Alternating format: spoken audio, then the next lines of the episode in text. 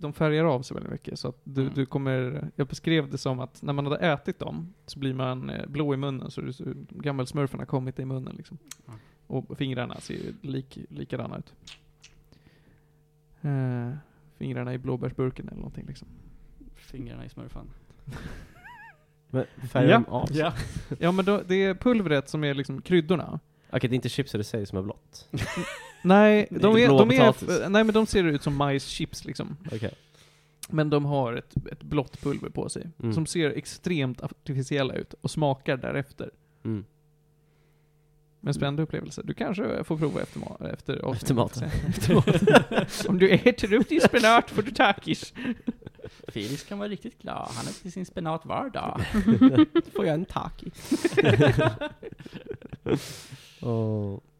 Ja, Jag ja. försöker komma på en limerick som handlar om att Felix åt starka chips och sen ligger och flämtar och vill ha vatten. Det är svårt att bara freestyla en limerick. Verkligen. Vad är en limerick? En limerick är en typ av dikt som eh, har en viss eh, kadens och intonation och som innehåller ett ortsnamn. Ja, En ortsnamn? ett ortsnamn måste han ha. Så att det var en man från Örnsberg som åt takis av blå färg. Eh, Mm. Han flämtade och sa 'Vatten vill jag ha' Men det enda han fick, det var märg. Det var, det var en fullt fungerande limerick. Ja. Snyggt. Ja. Men det är så den ska rimma, Mm. Mm. i alla fall. Så. Ja, tjusigt. Ja. Bra jobbat. Får lite applåd för det. Tack. jag är imponerad. Det- Jag spelar in det här, men, men eh, dålig såhär re... det är det bästa, jag ska ta en limerick om. Ja, men det, det- är ju Panna som klipper, så han kanske sitter och bara 'Fan, det här är ju guld!' Ja, så ja. Men det är ett nytt år ju nu. Har ni några nyårslöften? Någonting ni... Nej, Eh, sånt är för losers. Ja, jag är team Ronja där. Alltså. Ja, alltså jag har väl eh, börjat bygga upp lite mer, jag vet inte om det är ett eh, nyårslöfte så, men eh, jag har ju börjat satsa på att försöka, ja men spela, hänga mer med folk och spela mer brädspel. Mm. Det är Det är bra. bra. Mm. Det är bra att ta ett sånt nyårslöfte som man redan vet att man, vet att man är på gång med. Mm. Mm. Så att du inte behöver ställa om från 0 till 100 liksom. Mm. Ja, verkligen. Precis. Poängen, precis. För poängen med nyårslöften är ju att om du bara Åh, jag ska tappa all vikt och bli så stark typ. Och så har man Mm. inte en, har man jättemycket jobb för att göra det så är det liksom det är, bara, det är lätt att säga så, svårt att göra någonting. Mm. Så ditt nyårslöfte då, Felix? Ja, det, är precis, det var det jag kom in på. Jag tänkte inte köpa några spel det här året. Tänkte testa. Va? Bra Mm. inställning, Men. bra För nyårslöfte. jag, jag gick igenom, jag satt här på mellandagen som man gör och gick igenom sitt år av spel. I år har jag spelat, förra året, 2022, spelade jag klart fyra spel. Varav tre började jag 2021. Mm. Så uh, det enda spelet jag spelade klart från start till slut 2022 var det spel som står där borta. Mm. Uh, Link's Awakening. Um, och jag har ju köpt väldigt mycket spel. Jag har köpt Elden Ring, jag har köpt uh, ja, God of War, jag har köpt uh, Resident Evil, jag har köpt liksom det ena och det andra. Så jag har en enorm mängd med spel, och så har jag ännu mer spel jag har påbörjat och inte spelat klart.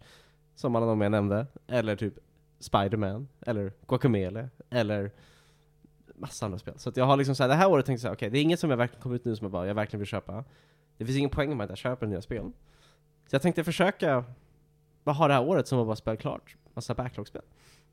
Ja, det låter jättebra. Jag, jag, är nytt, jag tror jag kan klara det. Det är typ ett spel jag kanske vill köpa när det kommer ut. Annars är det såhär, jag har inget som är såhär, Vad, jag vet du, vad, vad är det då som du vet är på, på väg? uh, Baldur's Gate 3. Ah, okej. Men det är mest för att jag ska spela med kompisar. Och sen är det såhär, Zelda, eh, kanske, jag är inte supertaggad, men... eh, Ja just det, det kommer i år ja. Mm. Mm. Alltså man kommer ju långt också på att låna spel av det kompisar. också, precis. Mm. Precis, jag ska se. Jag ska försöka inte köpa, jag ska se om jag klarar det, inte köpa ett spel. För det, det typ så jag måste ju, jag kollar på dig Johan, jag ska ju börja spela Resident Evil 4 snart. Mm. Snart. Jag har, jag har faktiskt precis fått hem allting till min nya setup hemma med skrivbordet. Mm. Så Mm. nu är jag redo att sätta igång med det snart. Så, Nice. att- så att, eh, jag, jag, ska säga, jag känner att nu är det dags att beta av lite spel och inte bara öka backloggen hela tiden. Mm. Får se, får se hur det går. Kul. Jag funderar lite på att joina er boktävling kanske. Mm. Nu är det ändå New Slate. Jag gör det. Ja. Jag vet inte om hur det gick i slutet. Jag, jag, vet inte hur många böcker Panos läste. Jag vet inte om han sa. Men Jag sa bara att han vann, typ. Han sa att han ja, Jag vet inte om vi fick något bevis. var det inte jag- 14 på er båda typ? Jag kom till 14 böcker. Och Panos vet jag. Han sa bara att han vann. Så. Många, om vi frågar den här frågan istället, hur många böcker har ni läst 2023? För jag har faktiskt läst en bok. Ja. Jag började i 202023 och har, har avslutat den Nice. 2023. Så leder jag boktävlingen. Ja, nej, jag började en bok 2022 som inte läst klart än. Mm. Grattis. Ja, tack. snabbt. Ja, det, den är inte jättelång. Den är väl 200 sidor eller någonting. Ligger bakom Johan på stolen där. Vad är det för bok? Jag Det- tror det skulle vara Mac-boken först. Nej, det är inte Mackboken. Den läste jag tidigare. Men det där är en bok om sälj. Om sälj. Om sälj, service och kundbemötande. Ja, det är bra. Min chef gav den till mig i julklapp och sa det här ska du lära dig. Och jag tänkte, jaha. Sälj, ja det är bra. Ja, Kan du ju sälja grejer. ja precis. Jag försöker ju bli bättre på sälj i och med vår podcast. Mm. Men den handlar mer om, den heter I kundens skor. Mm. Eh, så att skulle man översätta det till i lyssnarens skor, så det, det är väldigt svårt att översätta mellan kund och lyssnare. Så att den här boken har Mm. verkligen inte hjälpt mig. Men om du som lyssnar är jätteduktig på sälj, så hör av dig till mig med några tips på medisradio.gmail.com Eller på Facebook. Ja. Hörrni, jag såg, jag har spenderat tre dagar med att göra tre saker. Förutom att jobba. Varje kväll så har jag lagat middag och så har jag satt mig med Saga och så har jag tittat på eh, Extended Edition av eh, Sagan om ringen. Mm. Mm, Jag har aldrig gjort det förut. Inte jag heller. Framförallt inte i ett svep. Vänta lite, du sa att du jobbade, lagade mat och sen såg en hel film? Alltså extended edition? Mm, Det var det precis. han Så sa. att jag jobbar och så slutar jag vid fem. Och så ställer jag mig och lagar middag. Och sen sätter jag mig och ser eh, en film. Och sen så är ju dagen nästan slut efter det, för de är ganska långa. Jag ska precis säga hur dagen borde rinna över. Det finns inte mer dag. Hur får det? Nej men de, de är ju inte så långa. Alltså det, om, om jag slutar fem, Han Ja. jobbar härifrån. ja just det, jag jobbar hemma. Jag ska Ja. från- så det är liksom ingen eh, kommunal... Eh, Just det. Alltså Ja. även om jag börjar sju så är ju filmen klar innan jag går och lägger mig. Ja, snyggt. Eh, Men det, är- många saker har jag kommit fram till. I och med att jag, för det första har jag aldrig sett en enda film i ett svep. Jag vet allt som händer, antagligen sett alla på något sätt. Men, men man får mycket bättre intryck av att se dem så här såklart. Men det är en ganska stor investering. För vad blir det totalt? Nio timmar kanske? Tio timmar? mm. De är något sånt där. Mhm.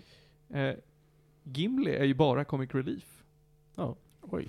Legolas försöker de göra till inte comic relief, men misslyckas ganska ofta. För att Gimli måste ha någon att prata med. Mm. Och så finns det ju memes om att ah, det är ingen som någonsin pratar med Frodo, fastän han är the main character. Och det är också ganska sant. Det är väldigt få som pratar med Frodo. Mm. De pratar mest över honom. Lite mästrande nästan. Mm. Mm. Ja, hot take, så sitter alla Sagan om ringen-fans och bara Vi vet. Noob. Men han är liksom snubben som eh, har ringen, men in, ingen ville put a ring on it. Ha! Ha! Tråkigt. Wow, var du tvungen att säga det också? Ja. Low hanging fruit. Nu går jag här. Hej då. Jag gick sedan till min dator och funderade på frågan, hur många Sagan om ringen-böcker finns det egentligen? Och varje gång jag tror att, men det här där var nog sista, och så kommer det en till. Det kommer ju en ny 2022. Alltså du menar liksom Midgård-böcker allmänt? Ja, precis. Som är skriven av J.R.R. Tol- Tolkien, men typ redigerad och färdigställd av hans son. Aha. det var ju något sånt, det här Children of Thurin eller någonting va? Mm, precis, Ja. precis. Så att eh, han, han har ju suttit och bara skrivit en massa skit som eh, hans barn sen bara, nej men nu kan vi publicera det. Jag förstår inte hur det där funkar. Går de och städar hans rum och så bara 'Vänta, kolla här! En till bok!' ja men det känns ju som det. För, eh, nu, nu ska jag tänka efter. Silmarillion kom på 70-talet tror jag. Eller 80-talet. Ingen aning, Kanske. Eh, Alltså, och det är såhär, okej, men då har du ju gått och städat farsans Mm. arbetsrum. Mm. Och så lik förbannat, så såhär, men jag tar och städar en gång till och hittar en ny bok 40 år senare. Kolla under sängmadrassen. Ja, precis. Eller, Vi måste betala med räkningarna, det måste finnas mer böcker! Det finns i väggen! Åh, vad vi har det svårt på The Tolkien Estate.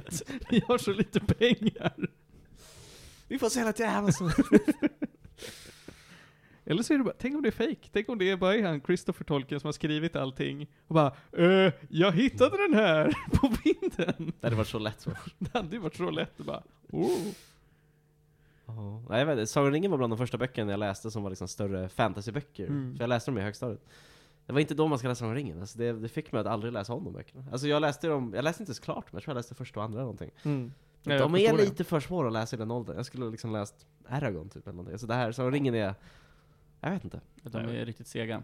Ja, Ja, det är riktigt seriöst. Och det är så mycket första. grejer Mm. sådär med Tom Bombadil, och det är så mycket saker som inte makes sense. Man bara, det här Mm. minns ju inte från film. Men jag har varit sugen på att gå tillbaka. Jag tror kanske att nu om jag ska läsa, för jag har varit sugen att sätta mig in i det och Silmarillion och alla andra böcker då, för det känns Mm. som att det finns väldigt mycket där. Jag blir bara så avskrämd som... Men då ska jag ge dig det i någon form av födelsedagspresent. Tom Bombadils äventyr, då det bara är han. Finns hittar de också Det är, en, det är en egen bok som bara är han, och den är typ lika viktig som Silmarillion, det vill säga inte. Fight me, Tolkien-fans. det är miljöbeskrivningar i 500 sidor, jag orkar inte. Ja, Ja. Mm. Ja. tänk om, eh, tänk om introt skulle komma då. Hallå? Introt? Är det någon som har, är det någon som har sett introt? Jag tror, det ser ut som var där borta. Ja, där. Att det är någon som kom hit. Nu kommer introt.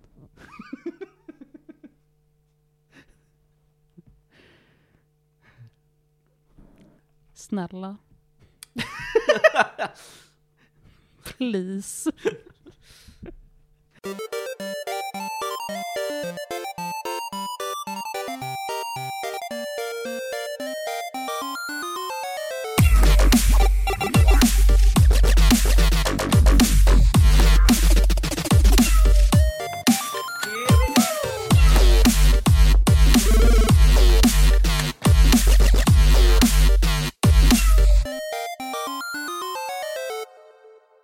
Gott nytt år säger vi på Medis Radio. Det är avsnitt 103 av podden. I det, idag så sitter vi här, det är den, eh, vad är det för någonting? Det är Fjärde. onsdag den 4 januari.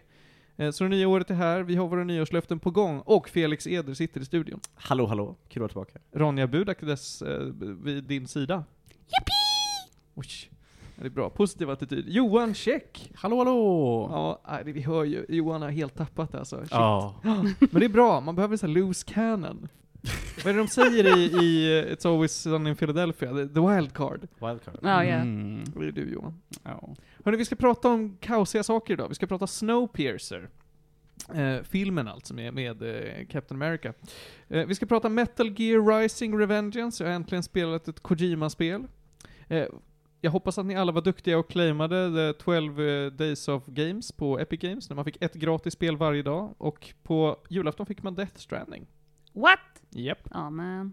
Nej. Hur många av er claimade ett enda spel under de här veckorna? Ronja claimade åtminstone något. Jag gör det i protest, jag bara, nej. Jag var inga inte mer. hemma på julafton. Nej, men jag, jag tar ju mobilen när jag inte är hemma. Jag var inte heller På hemma. mobilen? Ja. ja, min stationära har ju eh, kollapsat och jag har inte installerat Epic Games på, eh, på laptopen så. Vad har hänt med din stackars... Det här måste du berätta mer om. Vad har hänt med din stackars Eh, stationära? Jag är inte helt säker, men jag får ingen bild längre. Så Oh. jag har försökt eh, ja, men, ta ut, sätta in CMOS-batteriet. Eh, Har du testat byta kabel? eh, det är inte kabeln. Nej, okej. Därför att när jag håller in power-knappen så stängs den inte av. Det är inte grafikkortet då? Om det är Eh, bilden som håller det- på? Alltså det skulle kunna vara att det är eh, eh, min PSU som inte ger tillräckligt med kraft längre så att eh, det är någonting No. som ja, eh, knasar. Men men, RIP. Ska jag ta tag i det någon gång. Jag håller tummarna för det. Det är kul att kunna spela lite roliga spel ibland. Vi ska prata om annat. Vi ska prata film. Vi ska prata Glass Onion. Uh, uh, Knives Out Story. Tror jag den heter. Mystery. Mystery kanske. Men det har han Mm. tydligen sagt. Säg bara Glass Onion, han gillar inte att den är kopplad till Knives Out sådär. Nej. Jaha. Ja, det är ju... Det är Netflix som pushar för det. Jaha. Ja, ja, jag förstår. Han vill inte att det ska vara en koppling till det på samma Nej, sätt. nej. Ett storymässigt kan vi säga nu att de inte kopplar det alls. Mm. Det är bara karaktären Daniel Craig. Eh, vad har vi mer? Jo, jag har spelat ett annat spel också. Superhot Mind Control Delete. Det blir spännande att prata om uppföljare till Superhot. Vem trodde det?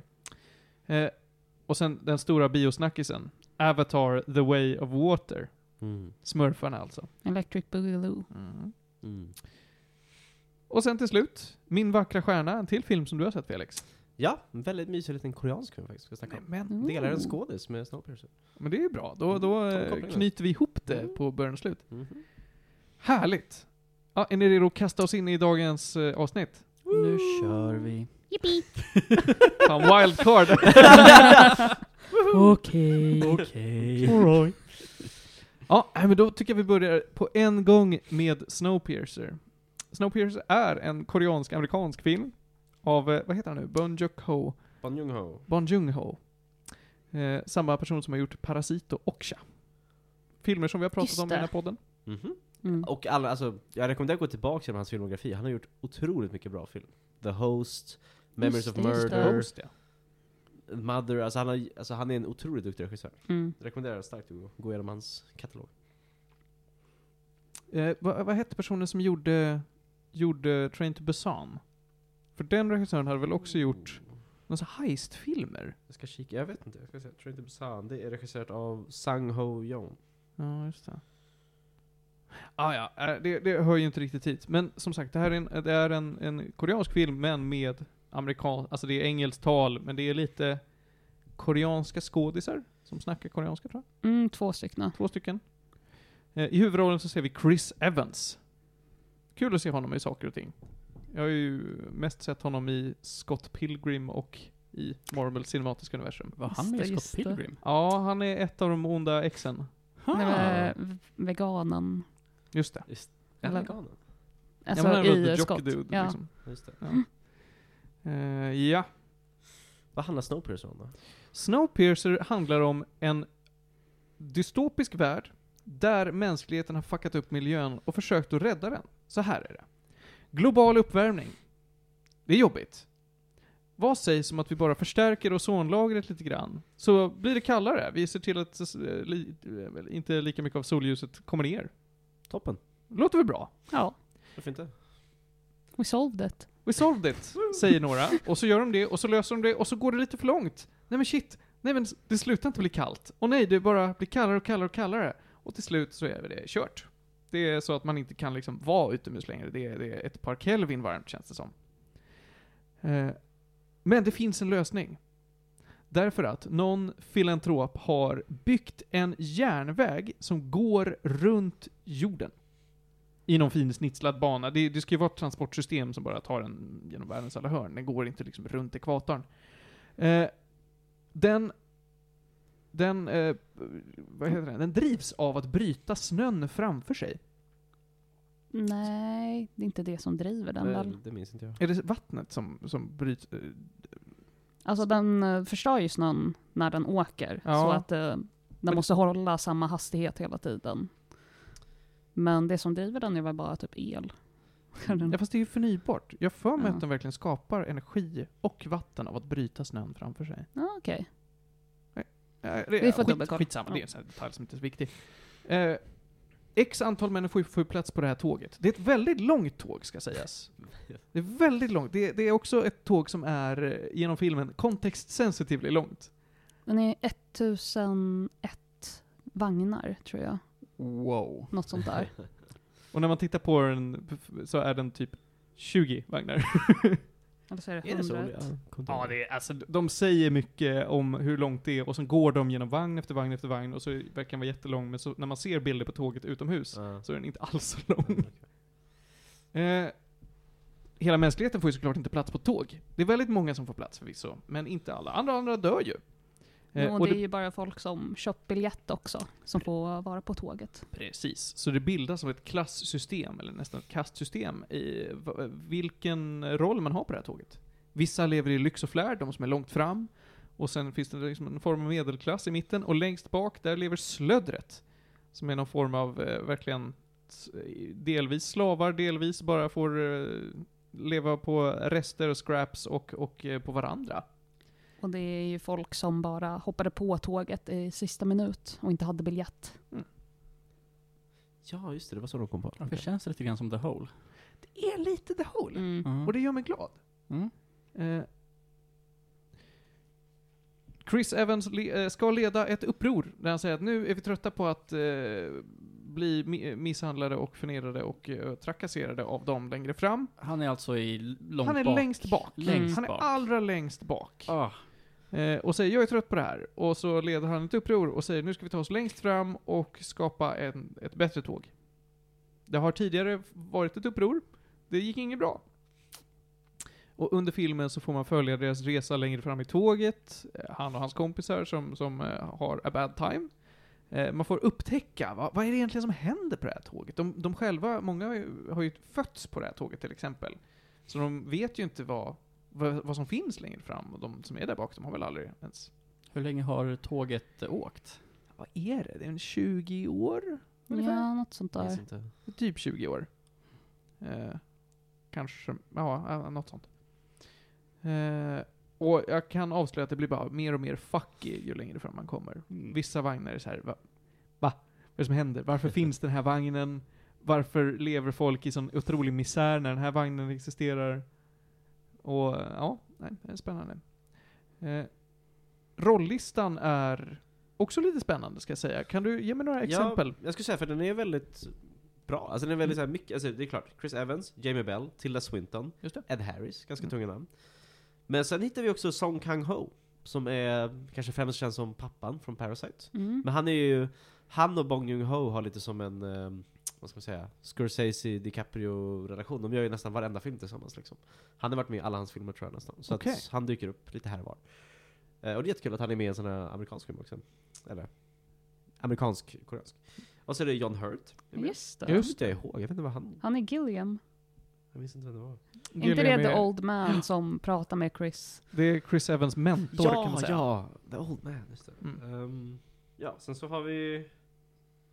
Ja, det var väl de flesta största namnen. Sen har vi Octavia Spencer, Evan Bremner, Ko Asung, Alison Pill. Ja. Men det är alltså det är en väldigt blandad casting. Men jag minns att den är riktigt bra. Det är det jag kommer ihåg att den är väldigt häftigt. De pratar, pratar de inte lite koreanska också i filmen? Jo, lite Mm. grann. Ja. Eh, det gör de. Ja, den är ju, det, det är en, man tycker att det här är en amerikansk film, men det märks ofta att nej, det här det är en koreansk regissör. Ja, Klippningen, dialogen och eh, framförallt eh, storyn, alltså det stora övergripande storyn, är inte berättad på traditionellt eh, liksom, Hollywood blockbuster-vis. Ja. Eh, och det tycker jag kan vara lite off-putting ibland. Att så här, det, det, jag har svårt att få det att klicka. Jag tyckte det var väldigt refreshing. Mm. Och det, liksom, det blir inte allt det här cheesy. Och eh, att allting ska vara super fast paced. Ja, jag minns den som att jag tyckte den var annorlunda. Från, Mm. Det var verkligen ingen så här vanlig blockbuster på något sätt. Att den var, det var liksom lite, precis som du säger, pacingen var annorlunda, den var lite obekväm på vissa sätt. Och- Exakt, mycket så här obekväm. Ja. Det förväntades inte från en amerikansk storfilm liksom. Det här var något annat liksom. Jättesnygga scener också. Verkligen. Mm. Jättesnyggt eh, koreograferad. Det är mycket... Och filmat. Jag minns att actionsekvenserna var riktigt bra. Mm. Det var någon i någon vagn där de typ släckte ljuset. Mm, Va? När det är mörkt, precis. minns jag det var coolt. Just det. Ja, den, den är häftig. Eh, sen vill jag vara tidig med att säga att jag tycker den är superlöjlig i många fall. Den är ja, jättelöjlig ja. för att det inte finns, alltså den säger emot sig själv. Karaktärer gör saker som är såhär, men kom igen, varför skulle du någonsin göra det? Ingen logiskt tänkande människa skulle bete sig på det här sättet. Eh, och jag avskydde slutet. Kan du ge exempel på... Avskydd i slutet. Ja, jag gjorde det verkligen. Jag tyckte slut, slutet fick mig att sätta händerna i sidan och säga Nej, nu har ni ju gått emot er egen grundlogik igen. Jag minns inte hur det slutade. Nej, vi, det behöver vi kanske inte spoila. Men ett exempel på när eh, karaktärer gör saker som jag inte tycker är rimligt är när de kommer in det, i... De kommer bara några vagnar in och kommer till där de producerar maten för Mm. de som är längst bak. Just det, ja, eh, just och det. pratar med han som är ansvarig för det. De kommunicerar inte med honom på ett sätt som en människa skulle prata på. De frågar honom inte särskilt mycket frågor, de behandlar, för han är uppenbarligen lite traumatiserad, men de behandlar honom inte som det alls. Utan det är verkligen, tja, du, vad är det egentligen som händer? Okej, du makar ingen sens. Låt oss stirra ner i den här grejen och säga, hmm, och sen går vi vidare, och så det, det, det känns som att de borde eh, stanna upp mer kring honom, eller belysa karaktären på något sätt. Det är väldigt mycket karaktärer som målas upp som att de ska ha mycket space i filmen, och så får de inte det. Det kanske är koreanskt, men jag gillar det inte. Intressant. Ja, nu var det ett tag sedan jag såg den, så jag kommer inte ihåg liksom just den scenen kanske. Man kommer ju gärna ihåg de bitarna som antingen sticker ut väldigt mycket, eller som man tycker om. Jag Mm. minns att Och det är var någon mycket vagn- att tycka om. Det är Ja, det var någon vagn med en skola va? Som Ja. cool, jag minns. lång scen, det är- och skola och det. automatvapen. Ja. Och ägg. Ja.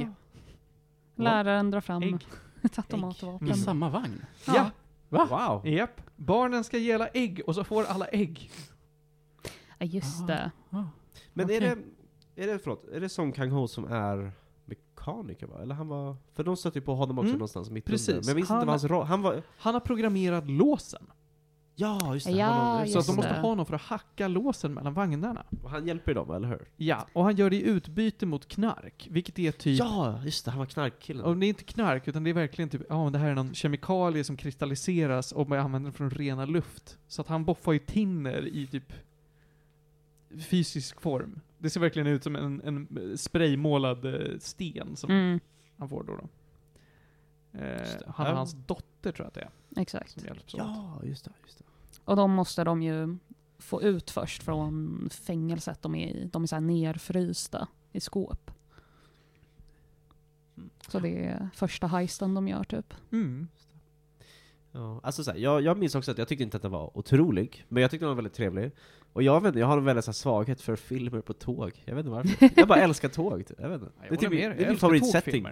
Allting blir bättre med tåg liksom. Alltså den är ju väldigt minnesvärd. Ja, Och den är ju, det är det en stor franchise. det är Den är ju. Den är ju gjord på, eh, alltså har populariserats i media på olika sätt. Från början så är ju det här en fransk serietidning.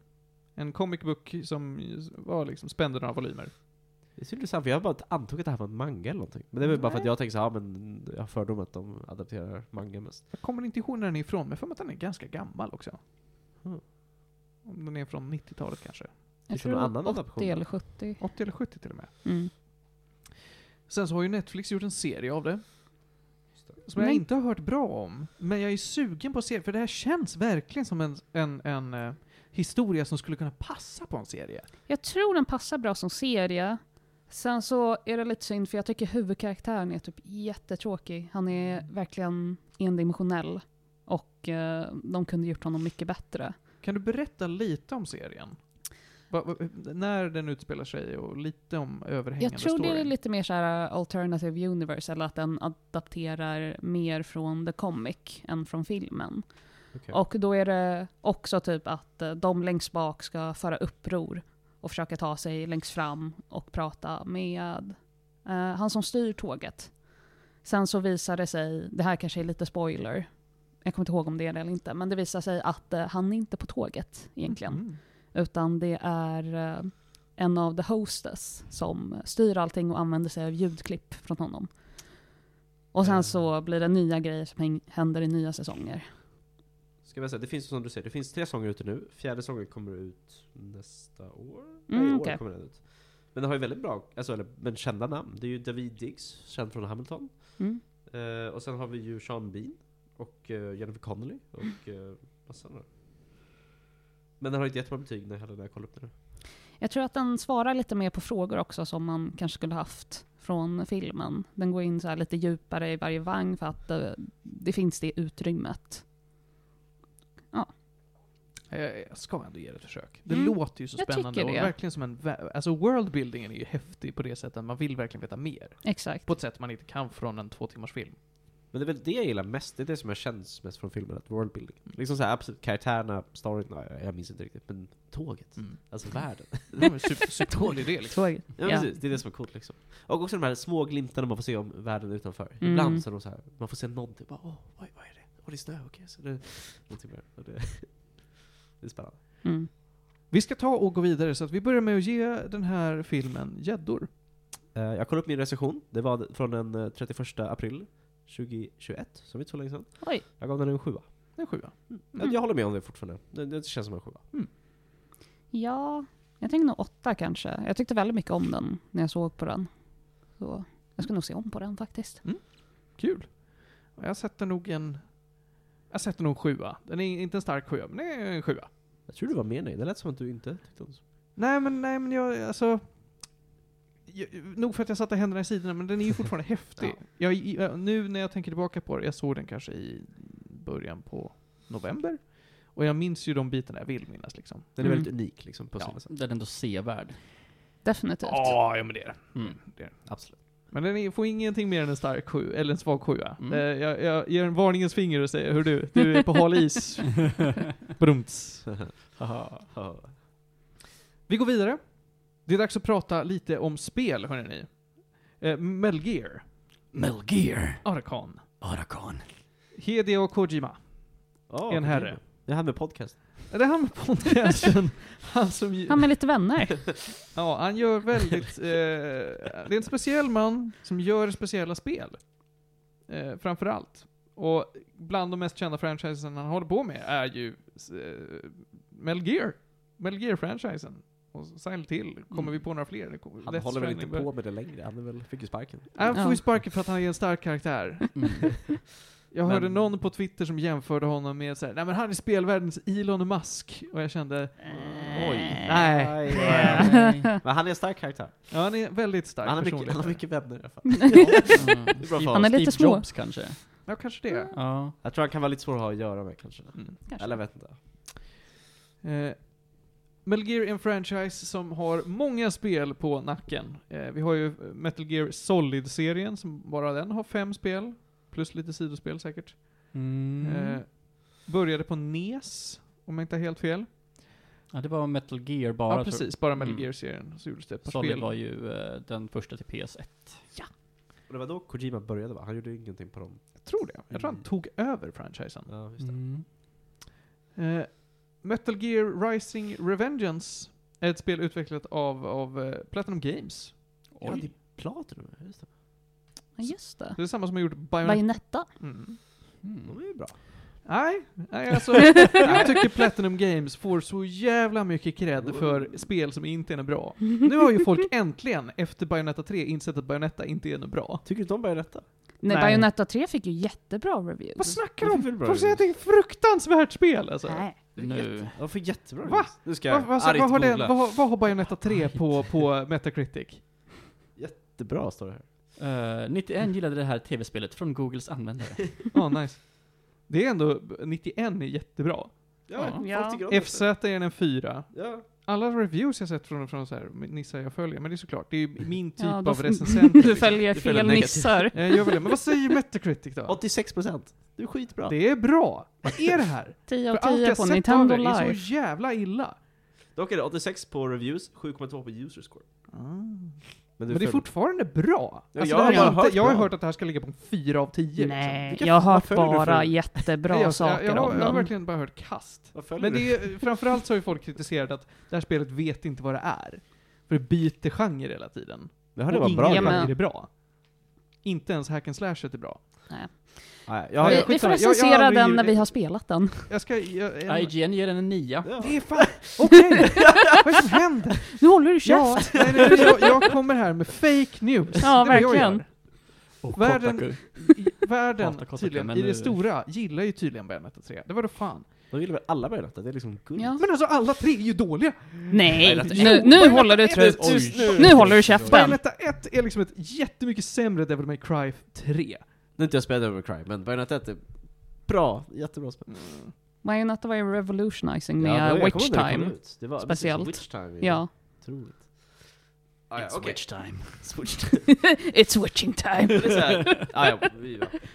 Jag håller Jag käften. gillar Bayonetta. Bayonetta är great. Och 10 out of Platinum är 10. coola. Alltså, ja. Okej, säg, annat bra, säg ett annat bra spel förutom Wanquish, för Wanquish är fan bra. Um, jag har inte spelat så mycket av dem. Bayonetta men, 2. Uh, eller Bayonetta 2. Wonderful 101. Nej, vad heter den där uh, Vanquish? Ja, jag sa var ju precis? Vanquish! Nej, jag hörde inte. Men de har gjort... Vanquish var bra. Ja, vad heter det där med de här uh, grejerna? Eh, Du tänker på... Sexy Astral Succubus. Chain. ja, Astro Chain, var inte det? Det fick ju bra betyg. Nej. Astral Chain fick ingen bra betyg. Catherine. Catherine är Atlus. Är det inte Astro Platinum? 87 Martin, på, på? Metacritic. Astro Chain har 87 på Mm. Metacritic. Vad är det här? Varför kan jag ingenting om vad spel? Alla jag hör pratar skit om Platinum Games. Alla säger pra- alltså jag har Förutom, inte... alltså jag vet ju att Bayonetta 1 fick bra reviews. Det kan, ju, det kan ingen säga emot. De har fått, ah, ja. Vad är det, De vad är har- det för circle jerk forum du hänger på? Jag vet Ja, inte!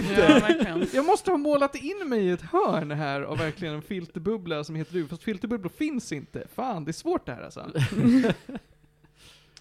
Metal Filterbubblor finns inte. Filterbubblor finns inte, det är ett motbevisat koncept. No Ska, ska vi prata om Metal Gear? ja. Metal Gear? så, Metal Gear Rising Revengeance är ett spin-off-spel på Metal Gear-franchisen som kom ut till Playstation 3 och Xbox 360 2013. Det portades till Windows 2014, jag har kört det på Windows.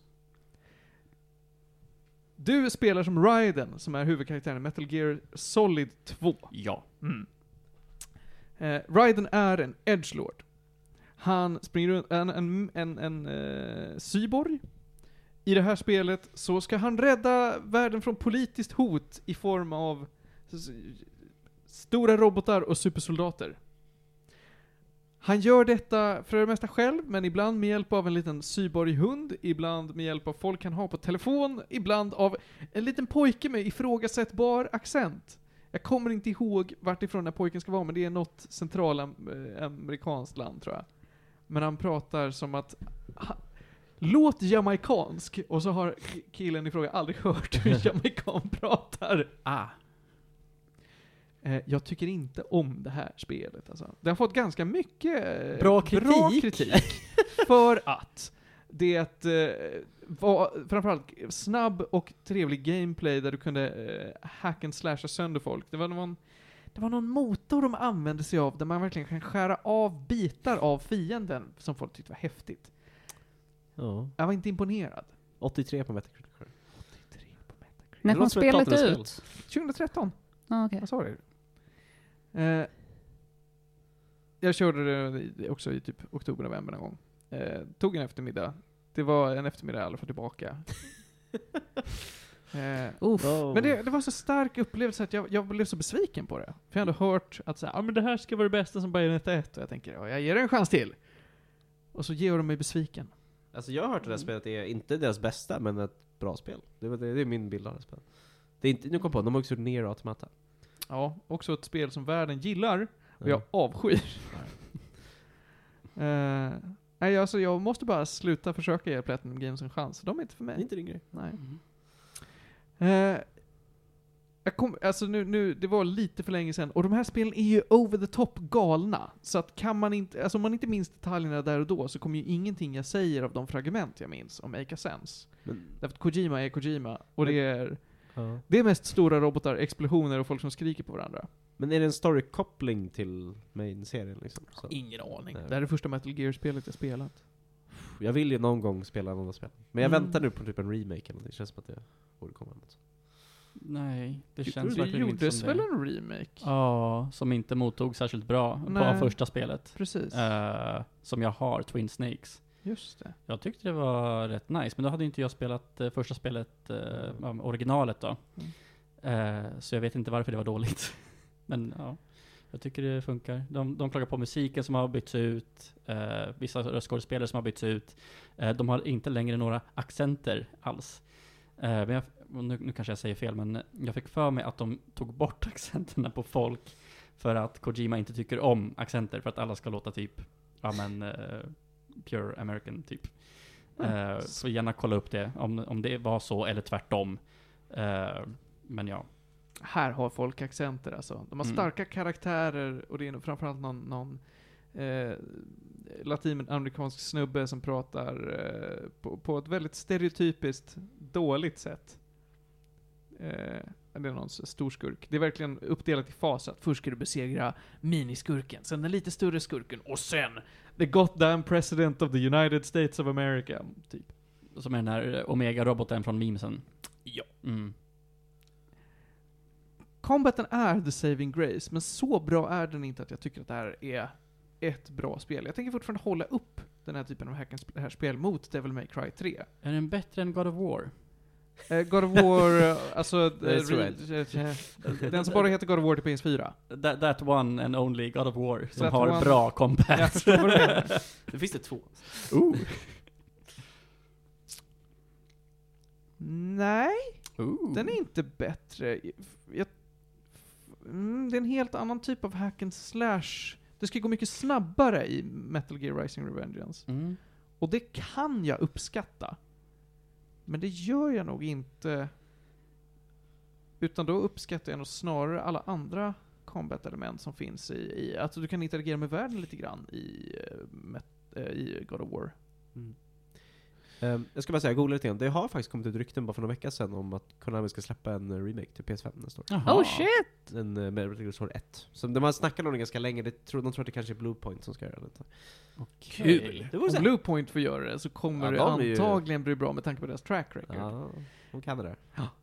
Men det gör ju också att det är cutscenes som jag är villig att titta på. Metal Gear Solid 1 framförallt har väl cutscenes som är så här Ah. bisarrt långa. Alltså, är det inte så här en och en halv timme ja, lång det är fyran som har Det är en och en fyran halv som har timme. det? Ja.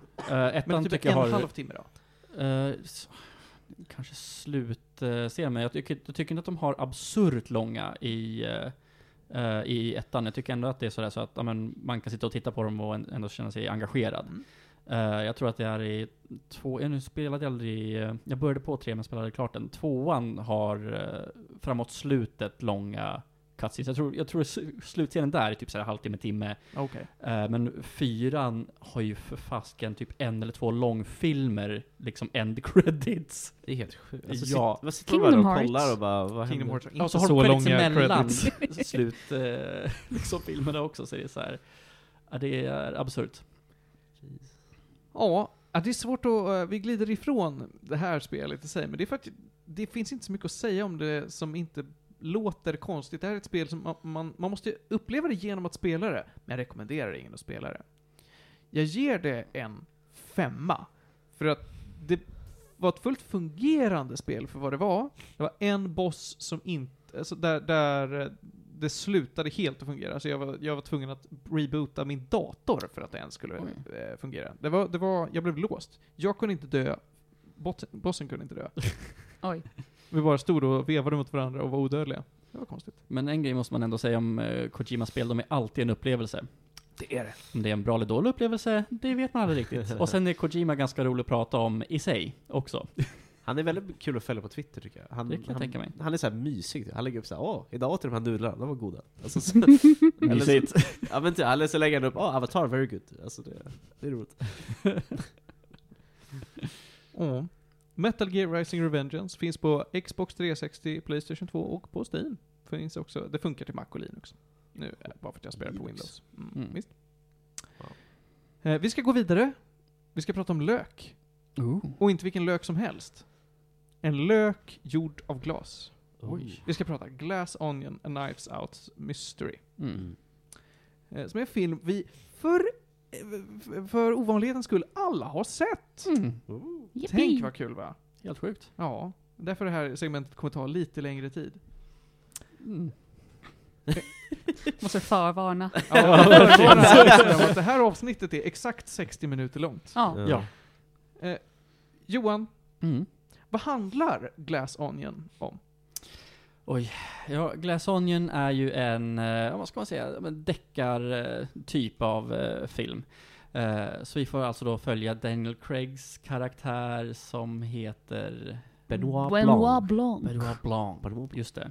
Eh, och eh, han, får, han är lite deppig, för han har ingenting att göra. Men så får han en inbjudan till en ö, tillsammans med eh, några andra karaktärer, kan man Mm. verkligen kalla dem. Färgstarkare. Ja men de är verkligen färgstarka, liksom Fru Röd, Överste senap, Fröken Gredelin. pastor grön.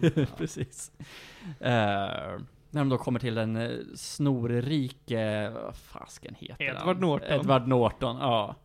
Eh, där han då känner egentligen alla utom uh, Blanc. Benoit. För, så de kallar sig själva för, inte förgörarna utan eh, Disruptors. disruptors. Precis. Och han tänker att han ska bjuda dit dem på eh, ett litet murder mystery och ha lite kul med sina gamla polare.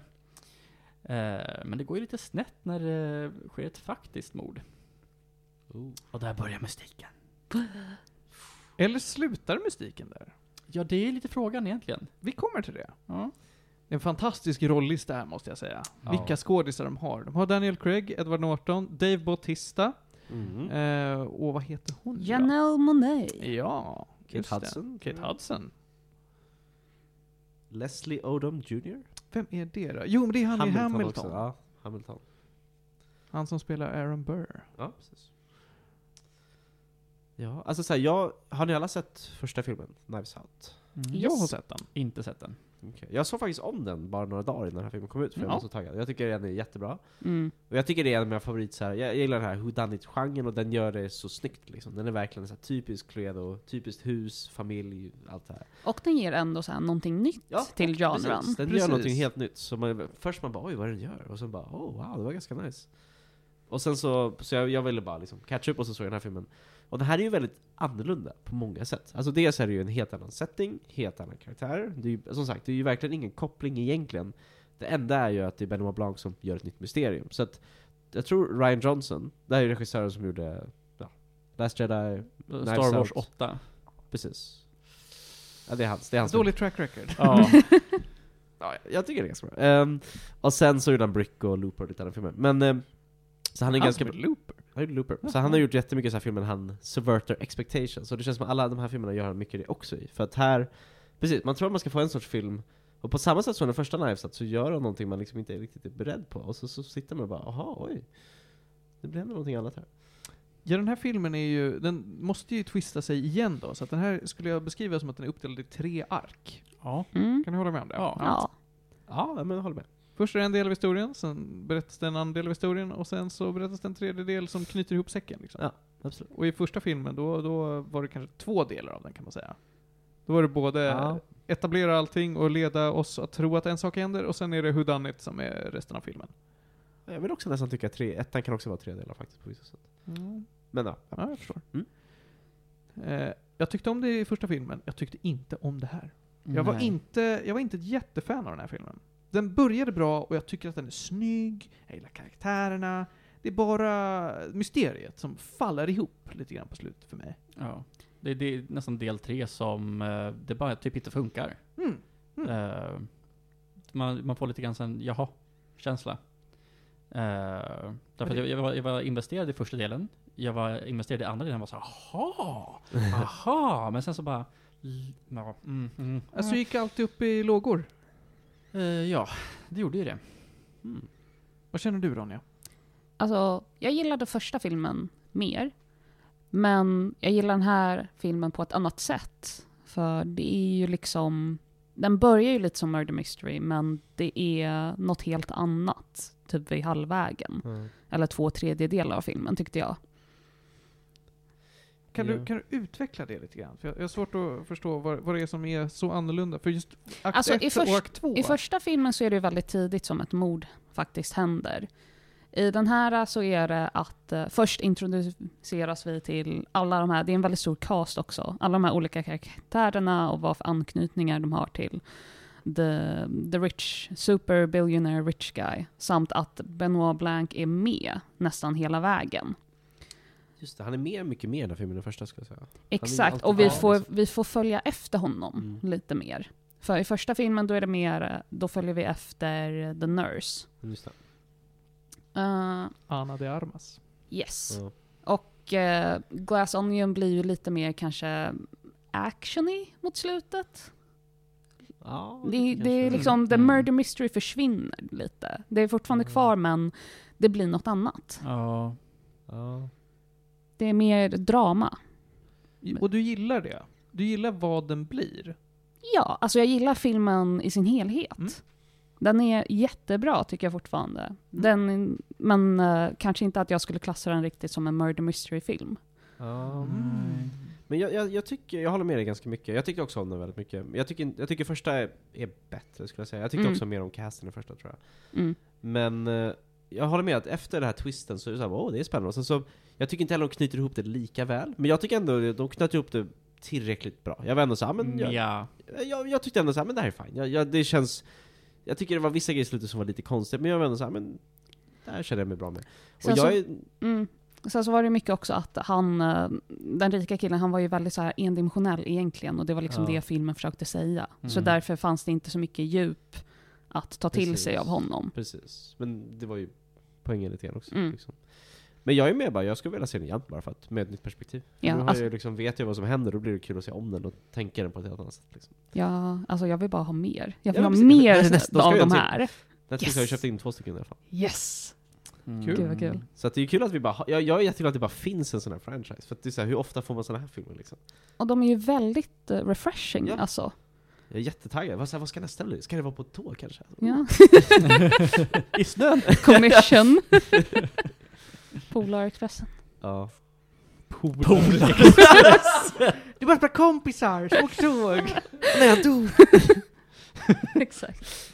Det hade ju varit ett bra Out, att det alltid är happy-go-lucky tills någon dör på slutet bara, och så får man reda på att det var Åh, bad, nej. alltså att, att det var så här dålig stämning hela tiden. Så man har gått och trott Ja. att alla är kompisar och så skiter det sig. Det, det är nästan Sen Knives Out behöver flashback. bli.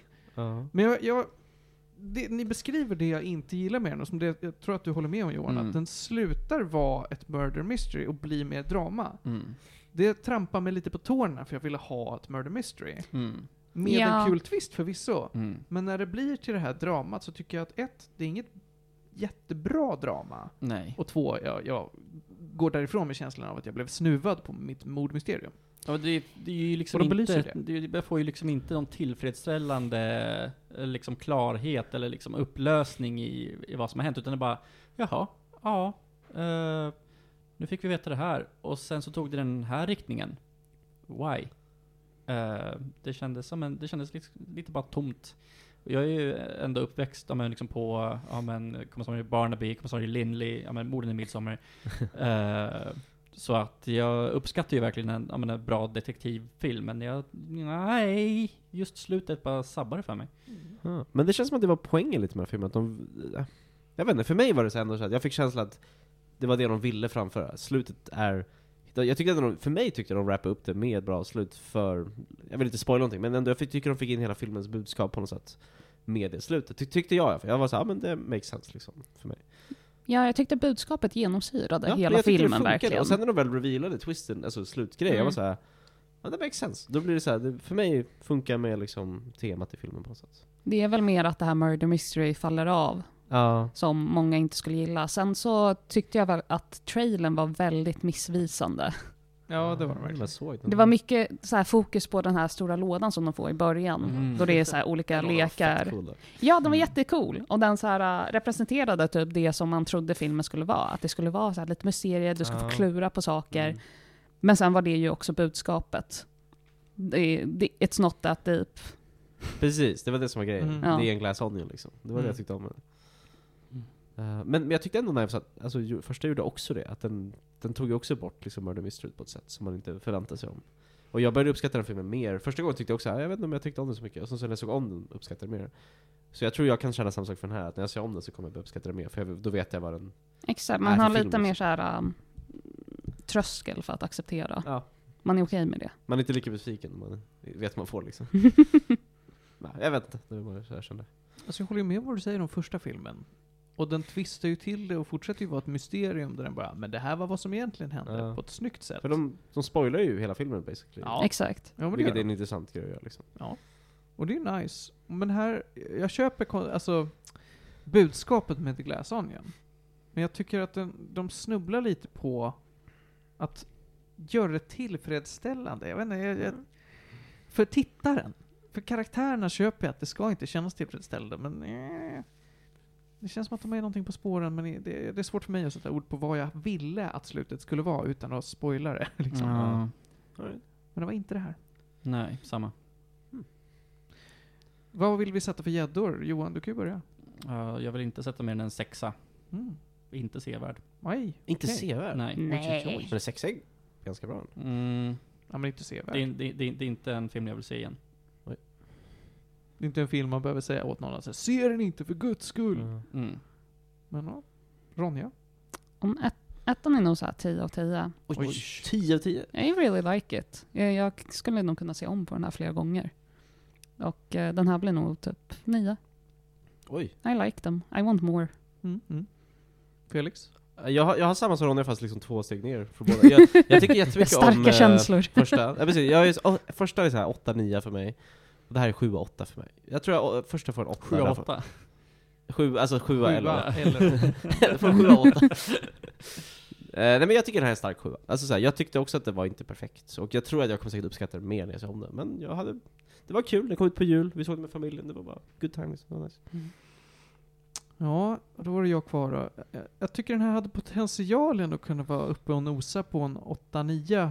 Jag tycker nog första är nog en stark 8, kanske 9. Mm, då har vi samma. Det, ja, men det tycker jag. Den är, den är toppen verkligen. Jättebra film. Det var väldigt lite jag ville ändra i den.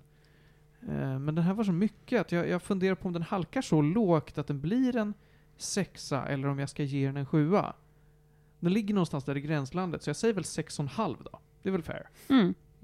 Eh, och innan vi går vidare så ska jag lyfta in min kära flickvän som sitter i rummet bredvid. Ska vi se om hon kan säga vad hon tycker om den här lite kort då och ge en, ett betyg på den. Nej, hon hör oss faktiskt inte. Hon sa att hon skulle höra oss, men det gör hon inte. Vi skulle ropa lite på Saga! Får se om hon kommer här. Går hon springandes. Ja, jo, nu, nu är Ja, jag vi, tipp vi har ljud. Saga, din tid är kommen. Och göra radiodebut. Förklara vad du tycker om Glass Onion på några ord och ge en betyg av en av tio gäddor. Okej, Och så hånglar du med micken. okej. Eh, vad var det jag tänkte? Den... Hur många ord har jag? Så många du Hur, känner hur många jag känner för? Okej. Men se till att det inte blir långrandigt bara. Ehm, mer fokus på Who did it än förra filmen, vilket inte egentligen handlade om det. Det bara marknadsför sig som så. Eh, så egentligen så är det inte riktigt samma sak. Men jag tyckte fortfarande den var, liksom, den var underhållande. Så jag ger den en stark 7 av 10. Tack för det. Tack. Kul Saga. hörni. Mm. Knives Out heter den ju inte, utan den heter ju Glass Onion A Knives Out Mystery. Finns på Netflix, lär finnas där länge. Den har ju varit bland de mest eh, populära filmerna på Netflix på sistone. Jag tror den fortfarande är nummer ett på Den ligger Netflix. På topplistorna, ja. Känns som alla har sett den dock. För det är så här, den kom ut på en bra tid, det är på Netflix, alla har Mm. Mm. Ja. Det var ju eh, bra jultidsfilm, även fast den inte alls är en julfilm. Liksom. Ja men jag håller med. Så här, det är så här bra, smart av Netflix att släppa den då liksom. Det, Ja, men är inte ett murder mystery någonting man vill sitta i vintermörkret och glo på? Ja, det är sant. Mm. Vi ska gå vidare hörni Från eh, Netflix bort till, vi ska tillbaka till spelvärlden faktiskt. Och göra en kortis om Superhot, Mind Control Delete. Superhot har vi pratat om tidigare. Hur många här har spelat Superhot? Nej. jag har Ingen av er. testat I det tror have jag. not. Hos någon kompis någon gång. Lik- Deras slow motion-spelet va? Precis. Likt typ Subnautica är det här spel som har varit under extremt lång utveckling och i en sån här early access hell verkligen. Eh, Det blev aldrig klart. Men så blev det klart. Och vips så var det ett spel som många tyckte om, men som alla kanske inte körde u- när det var klart.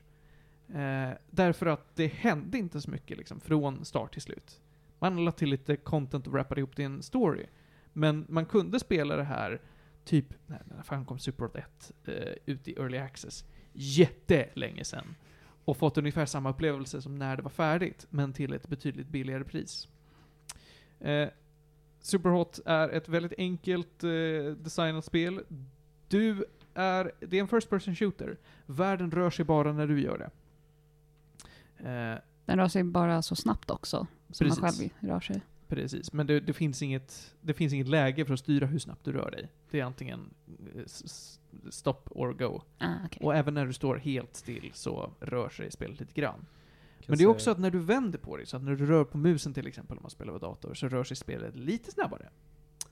kan säga också att det släpptes för Early Access på Steam, december 2017. Och släpptes Ur early access. Det står Early Access. Nej, alltså, för jag, 2017 jag, Early Access. Och sen släpptes 2020. nej det men känns det, det, alldeles det tror jag för inte. sent. Ja, det är alldeles för sent. Ja. Jag har sett videos från åtminstone 2014 Mm. när någon har spelat det på early access. Ja, det vet jag, förlåt. Det här var Mind Control Delete. Ja, Sorry. det är nog det. Det var det. Ja, det var det. Eh, 2013, där var det. 2013, ja okej. Och släpptes 2016. Ja, Det är en ganska lång eh, development-process i alla fall. Och det hände ju för lite mellan early access och release för att folk skulle vara såhär Åh shit, nu är det klart, nu måste jag spela det. Eh, jag behöver inte förklara mer om vad Super 8 är, därför att det är the gist. Du går igenom levlar och eh, det finns en cool liten metastory om att vara fast i ett eh, mönster. Superhot Mind Control Delete är Superhot 3, därför att de tycker att Superhot VR är Superhot 2. För det var väl eh, Superhot typ fast i reverse? Jag tror det. Ja. Jag tror att det är, det är eh, ungefär vad det är. Eh, och jag tycker att Superhot som koncept funkar jättebra i VR. Och då funderar man då på, vad kan man göra mer med det här? Det har utvecklarna sagt att vi gör det till ett roguelike. Okej. Det är inte en bra idé. Oj. nej. Inte? Uh-oh. Jag ska förklara. Superhot fungerar det som så att du går från level till level, det är en linjär upplevelse där du sakta men säkert liksom får mer och mer verktyg och svårare och svårare utmaningar. Superhot Mind Control Delete får du ett paket med här är x antal levlar. Vi kommer ge dig lite mer power-ups och lite fler vapenmöjligheter under spelets gång. Men vad din upplevelse kommer vara kommer aldrig att ändras. Det är bara ordningen på vilka levlar du spelar som kommer spela roll. Det är fortfarande uppdelat i nivåer. Det vill säga att när du börjar nivå 1 så kommer du att köra, eh, vi säger fem stycken rum. Fem stycken minibanor. Eh, du ska klara alla dessa, och när du har gjort alla de fem, som då, eh, ja, då, då kan du gå vidare till nivå 2. De här fem banorna slumpas, att misslyckas du med, eh, vi säger att du spelar minibana 3 och misslyckas, ja då måste du börja om på ettan och då är det en helt ny, eh, ny ordning på banor. Och så finns det kanske totalt, vad kan det vara, 20 säger vi? Eh, bana 2 fungerar ju exakt likadant. Det betyder att teoretiskt sett så kan bana 1 och bana 2 se identiska ut. Är ni med? Ja. Teoretiskt sett, det, det kommer inte hända. Mm. Men du kommer spela så pass många nivåer av det här spelet. Jag kommer inte ihåg exakt hur många det är, men det, det är... Om vi låtsas att det är 20, då kommer det vara väldigt mycket upprepat content. Mm. Och det är problemet med Super Hot Mind Control Elite. Eh, De power-ups du får och de vapen du får är inte nog för att det ska kännas som att du gör, alltså du du kommer vidare i spelet. Du randomiserar bara ett gäng banor som du ska klara och vara duktig liksom. Du betygs ju, du sätts ju inte på hur, duk, hur duktig du är. Eh, Det finns nog ett läge för det då det är typ eh, score attack och sånt där. Det känns som att det bara hade kunnat vara en expansion, en DLC, en, till och med en free update till Super Hot 1. Inte ett standalone spel Mm. Därför faller Super Hot Mind Control Elite. Det Ja. är eh, ett roguelike uppdelat i banor som inte behöver vara uppdelat i banor. Och det som är nytt är för lite nytt för att det ska kännas som att det är värdigt för ett eget spel. Vad kostar det? Ja, vad kostar det? Felix, kan du hitta det lite snabbt på Ska Steam? bara, det står ju dock att det är en standalone expansion på Wikipedia. Ja, ja, i sådana fall så är det väl det det är, en standalone expansion. Standalone expansion. That does not require main game. Nej, det stämmer. Ja, vad sa du? Vad det kostade för någonting? Vad kostar den på Steam? Ooh, let me check. Jag ska bara. Jag köpte det billigt, men eh, jag tror originalpriset tycker jag är för mycket. Mm. Superjott, nej. Ja. Gick snabbt där. 10 euro. 10 euro. Men det är väl på Steam sale kanske? Jag tror att Ja, det är nedsatt. 60% nedsatt. så i vanliga fall. 25 vanligtvis. Det är för mycket. Hur 10 många- euro tycker jag att det kan vara värt om du verkligen, verkligen älskar Superhot-formatet och vill sitta och grinda några nivåer då och då. Det tycker Hur jag. långt sa du det här tog för dig att spela? Ja, låt oss ta en titt. Eh, Jag, Panos, bryt här så kan jag gå och titta på datorn.